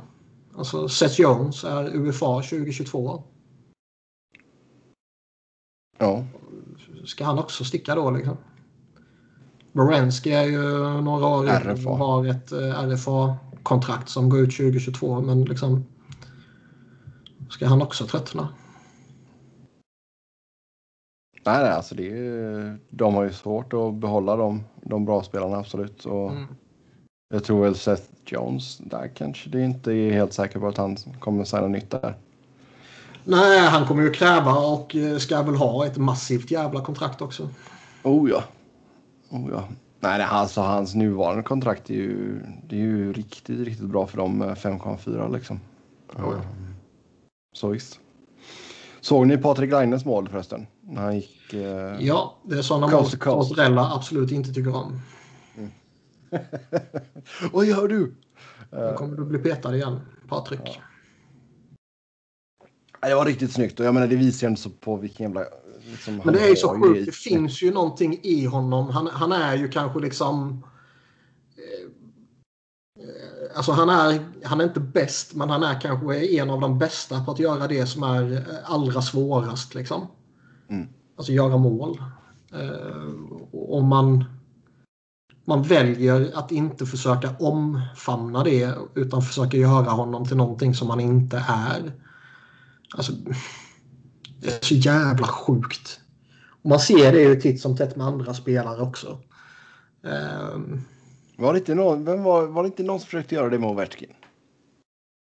jo, det var säkert av alla de jävla coacherna de har haft. Men samma sak med Ghosters Bear Flyers. Liksom. Det, det sker här och där att man försöker göra, man har en spelare som är jävligt bra på någonting men han passar inte in i formen som du anser att en typisk hockeyspelare ska vara. Mm. Eh, och försöker man begränsa en sån sjuk jävla måltalang som Line ändå är. Eh, Ja. Det känns som att de... Eh, de har nog ett val till sommaren. Patrik Laine eller John Tortorella. Ja, det är ju mycket möjligt. skulle inte förvåna om man måste göra det valet. Nej. Och det skulle väl inte förvåna om det blir Patrik Laine då med tanke på att det har, det har känts som att Tårtan är lite på glid kanske. Ja, exakt. Och även liksom det. Det är ju inte så ett lag som har haft så jäkla svårt att behålla de här offensiva fixstjärnorna liksom. Det kan inte gå och bli tvungen att trada bort line Alla också. Liksom. stjärnor. Bobrovski också till exempel. Ja. Jo. Men där tycker jag ändå som man har studsat tillbaka ganska bra med, med Slikins och Korpisalo. Absolut, men det var ändå en stor spelare som eh, stack. Och visst, nu Ja, kan man inte gråta över det givetvis. Han har Nej, nej, för fan. eh, på ett massivt kontrakt i Florida och de har hittat två bra målvakter. Men ändå liksom. Jo. Finns en tendens till att stora spelare vill bort därifrån. Och det är ju inte bara ett, en tendens som sträcker sig ett eller två år tillbaka. Utan det går ju, det går ju långt tillbaka. Rick the Dick och så vidare. Ja, man undrar ju som sagt den här eh, om alla lagen skulle göra en reklamfilm. Undrar hur Columbus skulle se ut då. Här har vi tårta. Boo. Fan, den var så jävla briljant så jag spontanskrattar till den själv. Ja. ja, visst. Nej, men alltså just nu, alltså Columbus nu efter Savardo och Folino försvann så det ser ju inte jättesexigt ut. Eh, Nej, man ger ju upp säsongen och det har man väl all rätt att göra med tanke på hur tabellen ser ut. ja, exakt. Ja, ja, herregud. Det skulle ju till att man går, typ går rent de sista 12 matcherna. Uh, och inte ens då hade det väl varit säkert. Um, sist ut då i den divisionen har vi Detroit och uh, Steve Eisenman. Tycker han gör. Han får ju ett bra jävla utbyte för Anthony Manta. Uh, eh, skickar honom till Capitals, får tillbaka Rickard Banik, Jakob Vrana, ett första rundsval 2021 och ett andra rundsval 2022. Det är ju en, en väldigt intressant trade. Jag eh, tycker väl att skillnaden mellan Manta och eh, Vrana är statistiskt eh, väldigt liten. Jag tror att det eventuellt kan finnas en liten högre potential i Anthony Manta i liksom den perfekta omgivningen. Tror jag han kan bli en riktigt ruggig Eh, stor och tung forward som kan göra en hel del poäng. Det kanske finns en mer fysisk impactpotential i honom. Eh, vilket ja, folk uppskattar. Liksom. Mm. Eh, men man betalar jävligt dyrt för att eventuellt uppgradera sig lite från Vrana. Det finns Ja. säkert folk som tycker att Vrana är den bättre spelaren också av de två. Eh, Jag tycker väl det är jämnvärt, eller ja, jämnbra med kanske eventuellt övervikt på, på Menta. Liksom. Men eh, sannolikt är det väl så att Caps får betala för att bli av med Rickard Panik Panik. Ja. och eh, hans eh, kontrakt. Och man kan väl se det som att ett av picken är väl för att bli av med honom och det andra är tillsammans med Vrana för att få Manta. Typ. Jo, exakt. Och då är det ett rätt dyrt pris för Manta. Ja, alltså jag tror alltså Panik är ju en sån NHL-spelare liksom, men ehm, Ja, man har ett mindre attraktivt kontrakt. Och visst för Detroit så är väl det kanske skitsamma. De eh, tar på sig honom och eh, om ett år eller två kanske de kan flippa honom vidare för ytterligare något pick eller något sånt där. Det verkar Exakt. ju som att de har konstaterat att deras rebuild kommer eh, ta längre än vad man först trodde. Och eh, det kanske är så att när när Mantas kontrakt eh, går ut om några år så är de fortfarande kvar i sin rebuild eller liksom på väg ut ur sin rebuild eller något sånt där. Han har kontrakt till 2024 och då kanske man lika gärna kan casha in på honom och så låter man bara Panics kontrakt kicka ut eh, på samma sätt som man har låtit Frans Nilssons kontrakt ticka ut och lite sånt där. jo, exakt. Och som du säger, liksom han tillbaka någorlunda så kan du säkert flippa honom om något år. Mm. Så det, det är väl helt okej. Och som sagt, alltså Jakob Vrana tycker jag, där har du en, så en, en spelare som du kan, som du kan bygga kring liksom. Um, så nej, jag tycker Detroit gör det riktigt bra här. Och nu sitter man ju på... Jävla massa picks. Eh, 12 draftval. eh, Ja, 12 draftval den kommande draften varav två första rundsval och tre andra rundsval. Så Och det är ju intressant, det har vi pratat om tidigare. Ska man plocka på sig så många draftval som möjligt denna draften som kommer vara väldigt osäker? Eller ska man skicka iväg alla? Alltså det är ju svårt med tanke på att situationen är som den är men alltså. Men eh, han verkar ju vilja samla på sig. Annars skulle han ju gått eh, hårt för att få så mycket som möjligt 2022. Jo exakt. Han Ja, kanske kommer har- göra det år. Ja exakt, han kanske gör det nästa år. Ehm, och där har man ju redan också två andra rundsval då och sen tre fjärde rundsval 2022 så. Nej, jag tror Detroit kommer nog fortsätta och plocka på sig ordentligt med med picks och sen göra du vet de här små chansningarna på lite äldre spelare på ettårskontrakt och sådär. Ehm, Luke Glendening-chocken har vi redan avhandlat. Eh, Ja. Jag är evigt tacksam för att Mark jävla Ståhl inte hamnade i Flyers. Som det ryktades om oroväckande mycket. Man hade väl eventuellt förväntat sig något med Helm eller Phil på det också. Ja, Um, kanske Bernier, men det verkar som att folk Sam valde... Gagner också kanske. Mm. Eh, men det kompenseras rätt hårt av um, Manta-traden. Mm. Alltså, Manta är ju en bra spelare, medan Vrana har fortfarande potential att bli jättebra. Och sen så det, alltså, ja, det är ju deadlines bästa deal och den gör ju Iceman. Ja. Ja, det är helt sant. Helt sant. Japp, eh, då har vi kommit till Mass Mutual East och då kan vi ju ta den eh, från eh, mer från Caps-hållet då, i och med att vi börjar med Washington. Ja, de vill ju vinna nu. Ja, Varför? det vill de. Mantha. Så kan man ifrågasätta hur mycket bättre Mantha är än Vrana idag. Tittar man på deras underliggande siffror så är Vrana något bättre men har bara mycket mindre istid i Washington än vad Manta har haft i Detroit. Så vi får väl se.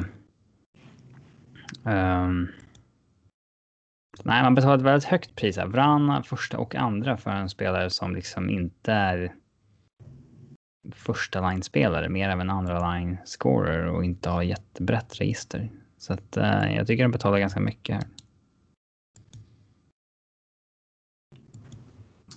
Ja, jag sa väl vad jag har att säga när, på nyss. Eh, Mm. Han, eh, det är ju inte en spelare som man kan säga liksom att eh, nu lämnar han bara skräp bakom sig och kommer till en bra omgivning. För han har ändå lirat med Dylan Larkin som en bra spelare. Ja, exakt. Det, det har han. Du kan visst komma in och lira med Bäckström eller Kuznetsov. Det är väl attraktivt såklart. Men, eh, Ett steg upp det är det ju, men Ja, men det borde inte vara ett sån skillnad så att han bara kommer explodera. Det, eller är garanterad att explodera så att säga. Ehm, Men ändå skoj. Det är sådana här trades man vill se. Det var en för jävla tråkig deadline och sen kommer en sån här minibomb eller en riktig bomb till och med kanske. Det är skoj. Så det Ja, tackar vi Caps för. Ja. Kan köra riktigt tung kedja där med man ska ju komma ihåg att mm, Panik har ju negativt värde också. De betalar Ja, ja. extra för att bli av med hans kontrakt i dealen. Ja. Ja, Det framstår väl utbudet ganska Men Det lite... lyssnar vi inte på märker jag. Ja. Var ju lite surr annars eh, kring Washington och en målvakt kanske, men det, det blev det ingenting av. Nej. Så man kör på det man har i Samsonov och Vitek Vanecek just nu. Eh, Så visst. Ja, New York Islanders. de Nej. gjorde Nej. åh. Vad? De gjorde en mer anmärkningsvärd trade än Manta. Ja, Mikael Raffel kom in mot ett femte rundsval. Grattis. Mm. Eh, en solid veteran för bottom six. Kan lira fjärde center, kan gå ut på en vinge. Eh, skadad för tillfället och eh, verkar vara borta ytterligare en vecka eller två. Ja. Så vi pratar om att de skickar Jonas Sigenthaler till New, New Jersey också då? Du vet Ja. mycket väl att det var Phil-traden jag var... Tvärtom. Sebbe. Vad sa du? Tvärtom. Jag sa ju de skickade Sigenthaler till New Jersey. Ja, okej. Så det var rätt. New York Islanders, som sagt, de gjorde ju sin stora grej tidigt där då. När man plockade in Palmieri och Sajak från Devils. Ehm, Men sen så då även in med Braden Coburn.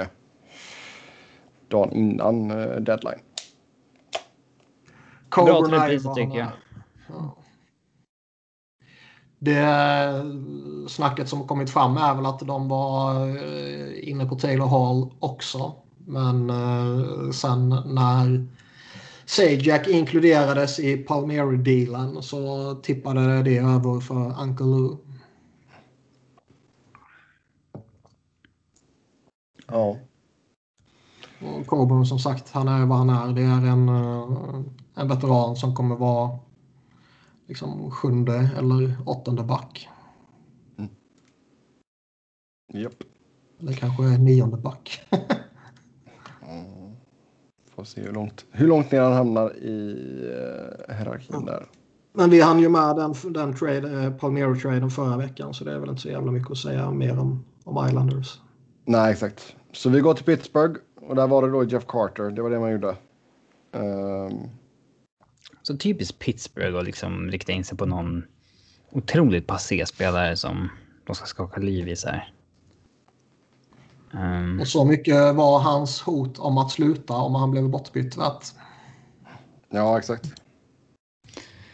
ja, Däremot är det ju lite skoj att han har ju verkligen fått bekräfta att ja, men jag är all in denna säsongen och jag kommer att spela nästa år. Så han har ju verkligen fått förtydliga det. Ja, exakt.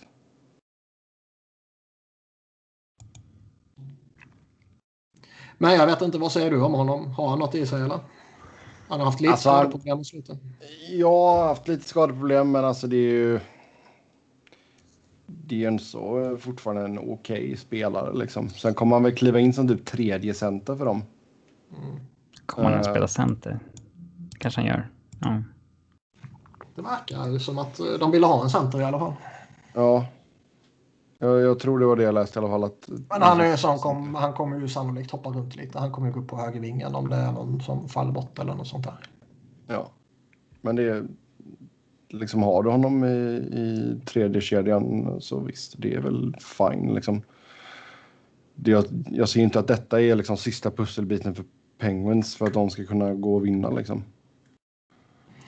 Men Vad- det, är, det är ju en förstärkning, det är det ju. Ja, han är väl mer än bara a guy. Ja. Men eh, för några år sedan om man skulle sagt att Ron Hextall bossar för Pittsburgh och tradar till sig Jeff Carter. Det skulle man inte tro på.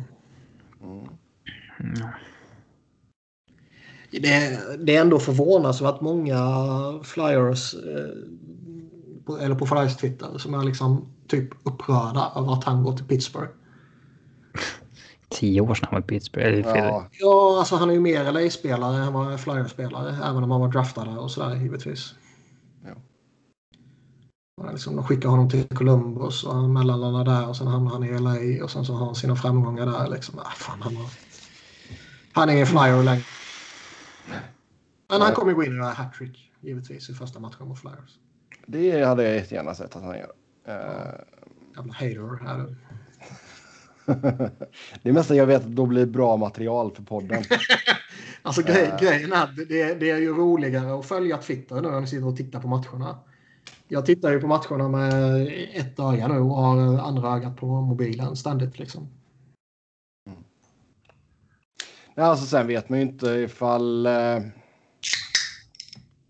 jag, vet, alltså jag kan inte ta på uppstuds exakt hur eh, Pittsburgh bör agera kring eh, expansionsdraften, men Nej, varför ska du prata om den nu? Nej. det, Jeff Carter kanske finner sig själv i Seattle. Vem vet? Eh, ja, vidare går vi till Boston Bruins. De landade ju då Taylor Hall som verkligen vill gå till Boston. Och som vill, Klart han säger det när det blir så.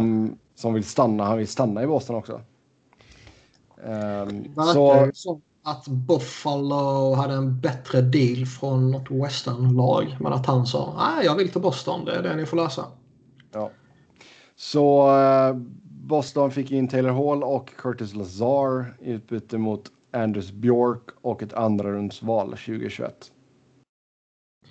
Björken är ju helt irrelevant. Han har inte blivit någonting. Ja, det är- Ja, otroligt att alltså, priset är så lågt Ja. på uh, Taylor Hall. När priset var så sa- högt på Savard sam, och på... alltså, samtidigt så säger han jag vill till Boston, lös Boston. Ja, fast nej. Det där. Men alltså det, det är en, man, man har liksom man har Taylor Hall, man har Brandon Montour, man har Eric Stahl som är tre bra tillgångar att kunna deala omkring trade deadline. Och man får en second rounder, man får två third rounders, man får en fifth rounder och sen får man en Anders Björk som inte har visat något i Boston. Liksom. Det är ett speciellt år, det är eh, en speciell marknad. Det är tre spelare som alla har eh, underpresterat. Visst, det finns allt det här, men det är fan inget bra utbyte. Nej, verkligen inte. Men vi kommer till, vi- du får prata lite på Buffalo sen. När de tradar till sig, ja det kan vi göra. Men Taylor Hall inne alltså i Boston och det alltså han kommer ju inte vara the guy i Boston. Det kan vi lugnt slå fast. Um, utan det blir ju and, andra kedjan med David Krejci där då. Men han kom in i en riktig omgivning nu i ett väldigt stabilt lag. Och han har liksom skjutit 2,3 procent tror jag det är denna säsongen. Det, det kommer ju vända för honom i Boston. Sen Ja. blir han kanske inte göra två poäng på match direkt, det är inte det jag säger. Men eh, Sen kommer han ju få spela. Han kommer ju inte knäcka första linen. Så han kommer ju spe, han kommer inte spela med någon stjärnor riktigt i andra linen. Men. Eh, Nej, men en gedigen center i Krejci och sen lite spel i PP liksom. Det, ja, och plötsligt droppar de ner eh, Pasternak i andra kedjan för att sprida ut lite. mm. Konstigare saker har skett. ja. Oh, ja. Eh, och sen då så tog man ju även in eh, Mike Riley också då från Ottawa. Eh, tredje rundsval 2022 skickade man till Ottawa. Eh, Han har gjort en riktigt bra säsong ju. Och eh, är lite sådär småvettig värvning. Men med tanke på vilket försvar de ändå har, med tanke på hur deras skadeläge ändå är. Fan, skulle de inte försökt sig på något lite större? Jo, det kan man väl känna. Men samtidigt fanns den dealen där ute. Alltså jag tycker inte att de borde inte betalat priset för Savard till exempel. Nej, men det finns ju någonting som är mellan David Savard och Mike Riley. Ja. Kanske mer kvantitet också. Någonting. Ja, mm. Ja alltså säg att de hade kört eh, Riley och Montour kanske. Ja. Det hade väl kanske varit uh, vettigt. Men Hall är intressant. Det ska bli spännande att följa honom ändå. Och han, Mm. verkar ju vilja, han verkar vilja stanna i Boston efter säsongen också. Det var därför han ville dit och, och testa ut det på förhand. Det, liksom. Jag tycker nästan alla lag borde varit intresserade av Hall, även om man inte var slutspelskandidater, bara för att bekanta sig med honom inför free agency. Liksom. Mm. Och vara Mm. eventuellt den som signar honom billigt efter den här pissäsongen. Ja, kan man få honom billigt, absolut. Men liksom signa ett... Ja, Fyra gånger fyra eller någonting, jag vet inte. Ingen aning om vad han Men, kommer men, men att få. signa ett, ett normalt kontrakt om man säger så, long term med honom. Det, det är jag fan skeptisk till. Alltså. Men visst Ja. kan man få honom på ett billigt så kontrakt, då uh, gör det för fan. Mm. Yes. Ja, sen har vi New York Rangers. Där satt man lugnt i båten. Ja. Gå vidare. Det är väl ganska vettigt, eller? Visst. Ja, det finns inget att säga. Nej. Nej, nej. Skit i dem då. Vi behandlade den tidigare. Det är väl det som... Ja, exakt. Det, det gjorde vi. Så Flyers då, man skickade ut Raffel. Du skickade ut Erik Gustafsson. Borde man ha skickat ut något mer? Man valde ju att förlänga med Scott Lafton. Ja. Fem år, tre miljoner capita. Eh, jag tycker väl pengarna är fair. Han låg på 2,3 nu och eh, ja, man kan väl förvänta sig en löneökning då givetvis. Fem år är jag skeptisk till men eh, var förmodligen en förutsättning för att få ner pengarna gissar jag.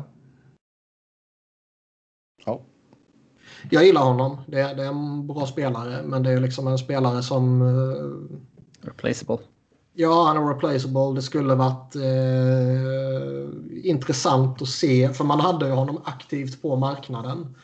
Man, man, eh, man hade ju kollat av, inte så att man aktivt försökt dumpa honom. Men man hade liksom kollat av marknaden och kollat av priset för honom och sådär. Eh, I slutändan valde man att, att signa honom istället på deadline day då så att säga. Och, eh, det skulle vara spännande att se vad, vad som fanns där ute för honom. För med tanke på vad det betalades för vissa spelare så skulle det ju eventuellt vara attraktivt. Men det är en spelare som jag gärna behåller när man går framåt. Det är inte en spelare som jag eh, tycker är ett problem. Liksom. Mm. Att dumpa Mikael Raffel var en självklarhet. Det, jag, jag, även om han skulle stannat så skulle det vara fullkomligt orimligt att förlänga med honom.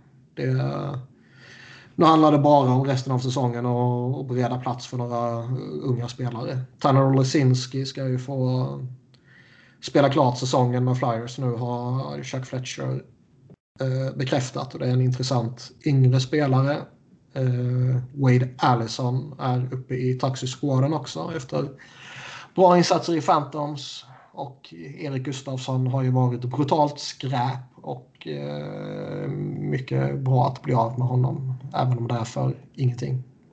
Mm. Ja. Det verkar ju som att man kanske redan nu har uh, liksom kollat av och börjat förbereda saker inför off-seasons aktiviteter. Tror jag det var Elliot Friedman som sa. Okay. Och Chuck Fletcher har ju sagt att eh, vi måste göra någonting. Mm. Var... Så det kommer nog kunna bränna till i, i Flyers till sommaren. En eller två stora grejer kan man nog räkna med. Det gick ju något rykte om Nolan Patrick här också. Vegas ska tydligen uh, ha varit där och sniffat lite innan man då Eh, vem fan tog de? Janmark tog de istället. Janmark. Mm. Mm. Och jag skulle inte bli ett dugg förvånad om Nolan Patrick försvinner eh, inför nästa säsong. Ja. Vad har du att säga om senaste matchen mot Buffalo? ja, alltså. Det är ju så jävla sjukt hur man kan uppträda som de uppträder när det liksom...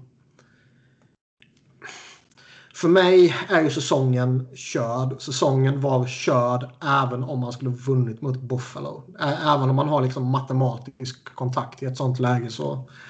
Boston har ett par matcher till godo och eh, som jag tror jag sa förra veckan, de har liksom typ sex eller sju matcher mot Buffalo där de bara ska köra över Sabres givetvis. Det, det krävs ett jävla mirakel för att ta, ta ifatt Boston. Liksom, eller komma ifatt och gå förbi Boston.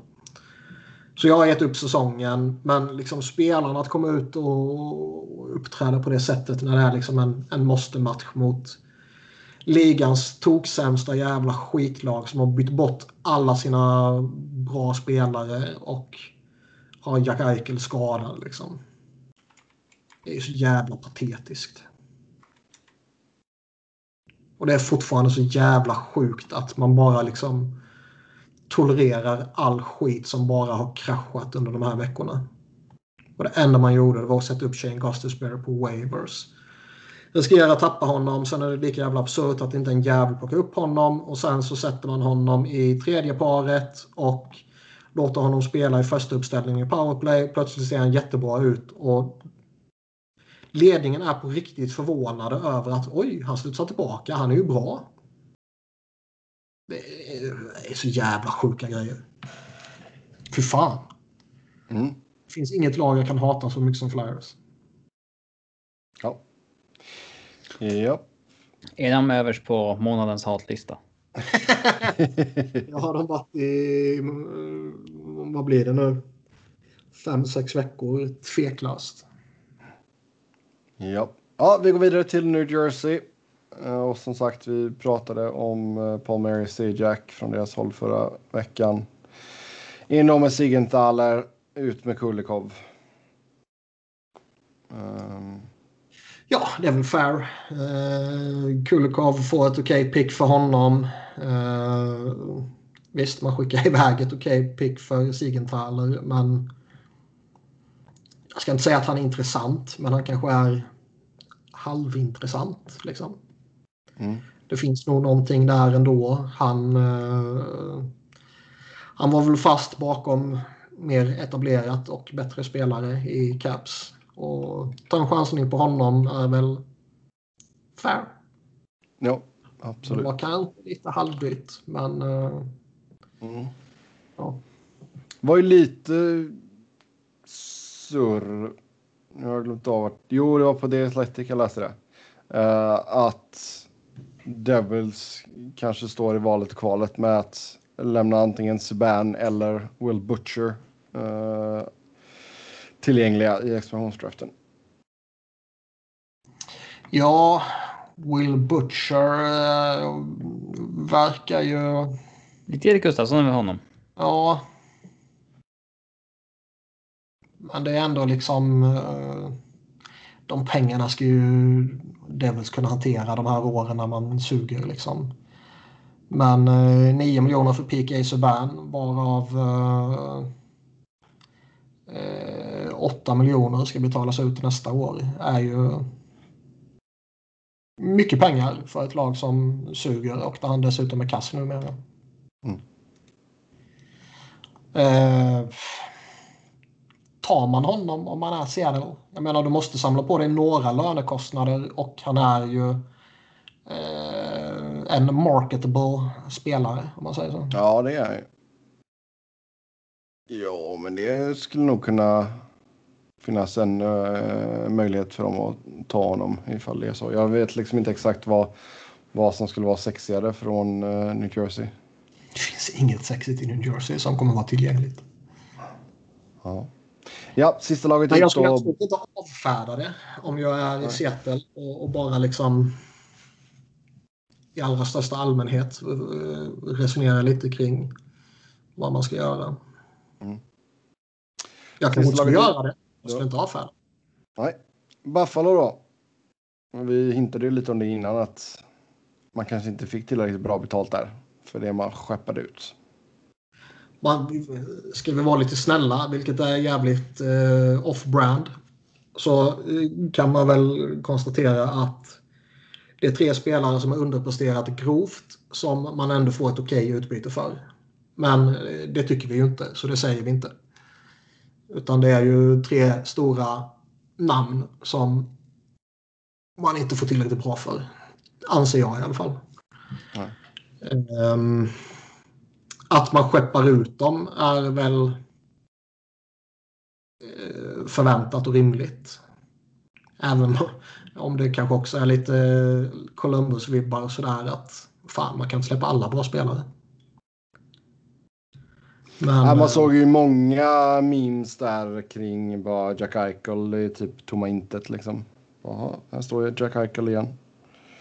Nej men det är ju han och liksom Linus Ullmark var det ju snack om man skulle släppa honom eller inte. Och han har ju varit bra detta året och det sägs att han vill testa marknaden men att man, eh, ja, man chansar på honom helt enkelt. Och det kanske var värt att göra för där har man ju då eventuellt en, en duktig målvakt. Liksom. Men mm. äh, jag vet inte. Det är ändå ett halvdant utbyte de får för de tre stora där. Och liksom för två år sedan betalade de en first rounder och eh, fan hette han? Brendan Guler. Som var en, en rätt schysst talang. Där och då liksom. För att få in Brandon Montour. Och nu har man liksom kukat ur honom fullständigt och skickar honom för en third rounder. Det, I den mest osäkra draften någonsin. ja. Det, äh. Men det verkar, det verkar vara en organisation som är i... Alltså, det finns ju hål i hela jävla organisationen. De måste ju sätta en organisation efter, efter deras jävla utrensning där när eh, coronan kom. Och eh, de fick massa skit för det och trots det så blev eh, Bylsma höll jag på att säga. Vad fan, Pegulas heter de. Mm. Eh, så blev de ju ännu rikare. Och eh, ja, det var, var det Kevin Adams tror jag som sa att liksom, vi måste bygga upp vårt front office igen. Eh, ja, han behöver lite hjälp på kontoret. Liksom. ja. Och det är liksom det är helt jävla meningslöst att samla på sig pix. För det har de gjort okej okay nu. Liksom. De har ändå några pix i draften. Men det är helt meningslöst att samla på sig det om man inte har några jävla scouter. Då är det som ja, vilken, vilken jävla idiot som helst bara sitter och gissar lite. Okay. Kevin Adams sitter med TSNs livestream på under draften och bara okej, okay, ja men då tar jag honom för han är högst upp på listan här. Säkert fullstream också för Pegulas betalar ju inte för... Uh... Han ligger liksom efter så han har inte sett vad de vill ha. ja. Ärligt talat, ibland känns det som att skulle man bara följa den där Bobs eh, konsensuslista så hade man nog fan varit bättre än average. Mm. Känns det som faktiskt. Mycket möjligt. Ja, det var det. Då tar vi och eh, pillar in en tävling här innan vi kör några lyssnarfrågor. Eh, ni ska Kom igen, få... vi ska vi köra det också. Länge. Ja. Jo, det, nu ska ni få säga till mig vilka spelare som har vunnit Conn Smythe Trophy. Robin är trött. Beta av någon uh, lyssnarfråga, sen kan vi runda av. Ah, vad tråkigt. Då får ni inte titta upp Conn Smythe-vinnarna till nästa vecka, helt enkelt. Jag har redan glömt det. kan alla ändå. Ja, exakt. exakt. Ja, först ut då, tack till er som har skrivit in. Vad tycker ni om alla dessa kryphål som vissa GMs i ligan utnyttjar för att komma runt lönetaket? Jag var inte först ut. Ja, men du har redan fått ranta. Om det står minst en timma. Ja, det, du sa ju att... Ja, visst. Rantar du tills Robin somnar då kanske? Och drömmer han mardrömmar sen? Vi var ju inne lite på det här med kryphålen tidigare. Um, jag kan ju tycka att uh, jag vet inte riktigt vad som står specifierat i, uh, i regelverket om hur man får retaina. Men om det inte är förbjudet att använda broker team så är det ju sjukt att det inte är fler lag som gör det. Ja, det tog så lång tid för att komma på det. Ja. Det är väl snarare konstigt i så fall. Ja. Ehm, det känns som att det är mer utbrett nu. Det känns som att man har fått se det vid några jätteenstaka tillfällen tidigare. Men nu är det ändå lite här och där. Och, ehm, det var ju några stycken bara de här dagarna. Ja, exakt. Tidigare var det ju typ alltså... att ett annat lag köpte ut åt dig. Uh, men det som, jag, det som jag väl kan tycka man kan reagera på det är ju liksom det här long term injured reserve eh, fusket som man kanske kan eh, kalla det om man vill. Lite som Tampa gör och som Toronto gör. Det, det är just det här att eh, i slutspelet så finns det ingen lönetak. Då kan man spendera hur mycket man vill och det kan man utnyttja. Vi har ju den här konspiration kring Nikita Kucherov som, som jag kanske inte tror på helhjärtat men som jag absolut inte avfärdar. Som du gillar att elda på. Framförallt det. Ja.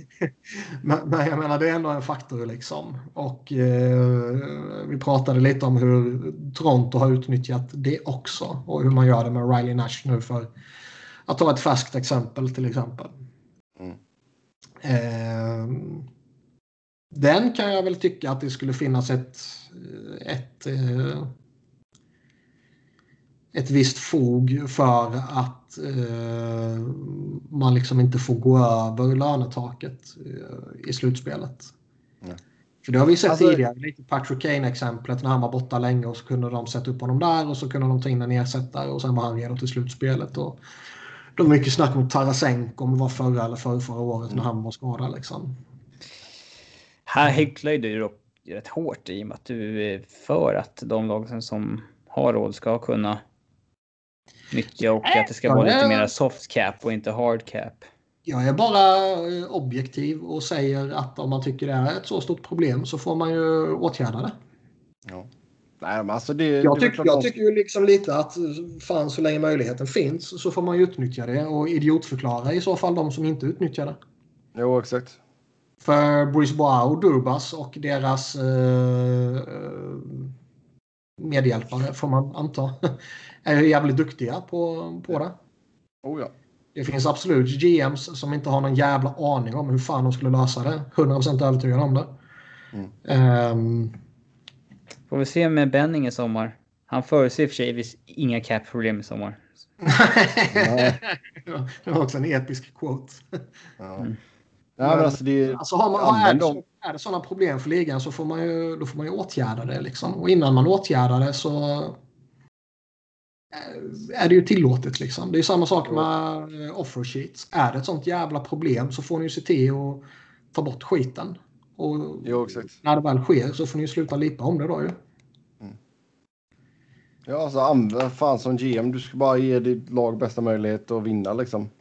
Det, Ja. Om det sen då är via ett broker team för att få in en spelare till lägre capita eller offersheeta en spelare så gör det för fan. Men jag vill se fler offersheets. Jag tror alltså nu med tanke på att det kommer vara ett flat cap eller ett nästan flat cap eh, förmodligen i några år nu så lär ju sådana här broker teams bli mer och mer frekvent använda känns det som. Oh ja. Ge oss fler offersheets också. Utnyttja Ja, situationen för fan. Skit att Ja. man bara har någon jävla handshake. Med tanke på hur misslyckat det var i somras så känns det inte som att det kommer ske.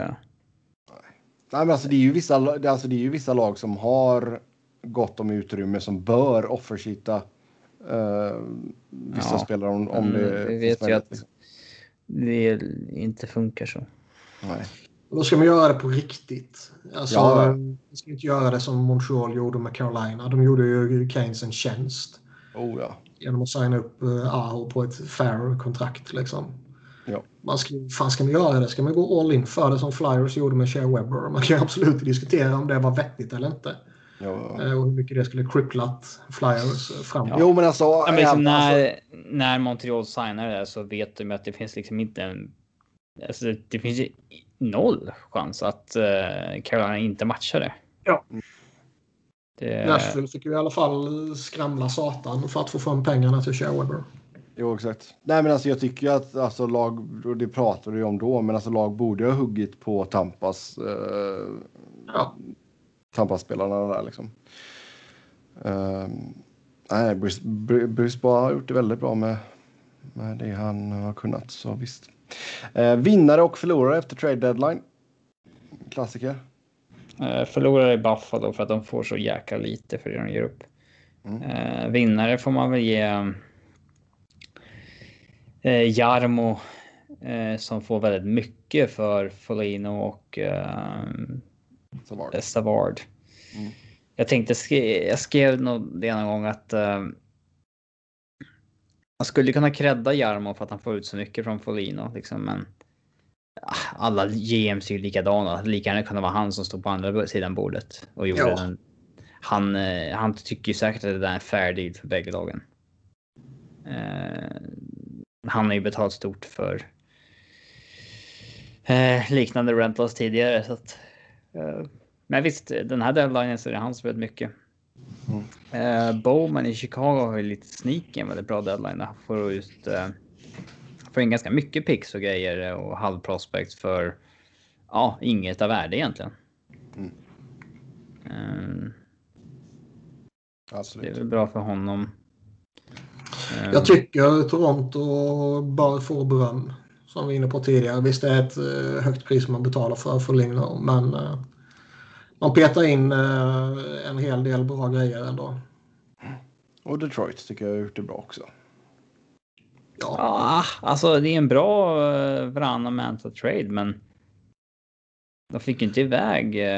Man hade väntat sig att de skulle skicka någonting till. Att uh, Steve Y inte lyckas lura på Ken Holland, Luke Lendenning är ju faktiskt ett misslyckande. Mm. Det, drar, det drar ju ner betyget från uh, Manta-traden. Man undrar ju vad priset var.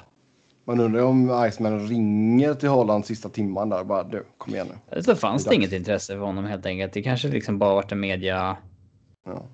eh, grej med hans liksom teckningar. Nej, det kommer alltid finnas intresse för en sån spelare.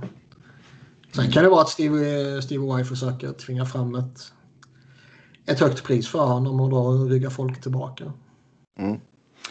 Sen eh, är alla GMs otroligt dumma, eller hur kan man ha så olika syn på spelare och dess värde? Alla GMs, alla coacher, alla domare är dumma i huvudet på något sätt. Det handlar bara om att hitta den GM eller den coachen som är minst dum i huvudet. Det är min fasta övertygelse. Hopp. Uh, Nej, men på riktigt alltså. Uh, det finns givetvis folk, eller GMs, som är liksom uh, jätteduktiga. Steve Eisenman och Bruce Bois är duktiga. Liksom. Och bara för att nämna, nämna två. Joe Sakic verkar vara jävligt skarp trots att han inte vill vara en GM. Och, ja, han började dåligt också, men mm. har väl rätt personer runt sig nu. Ja.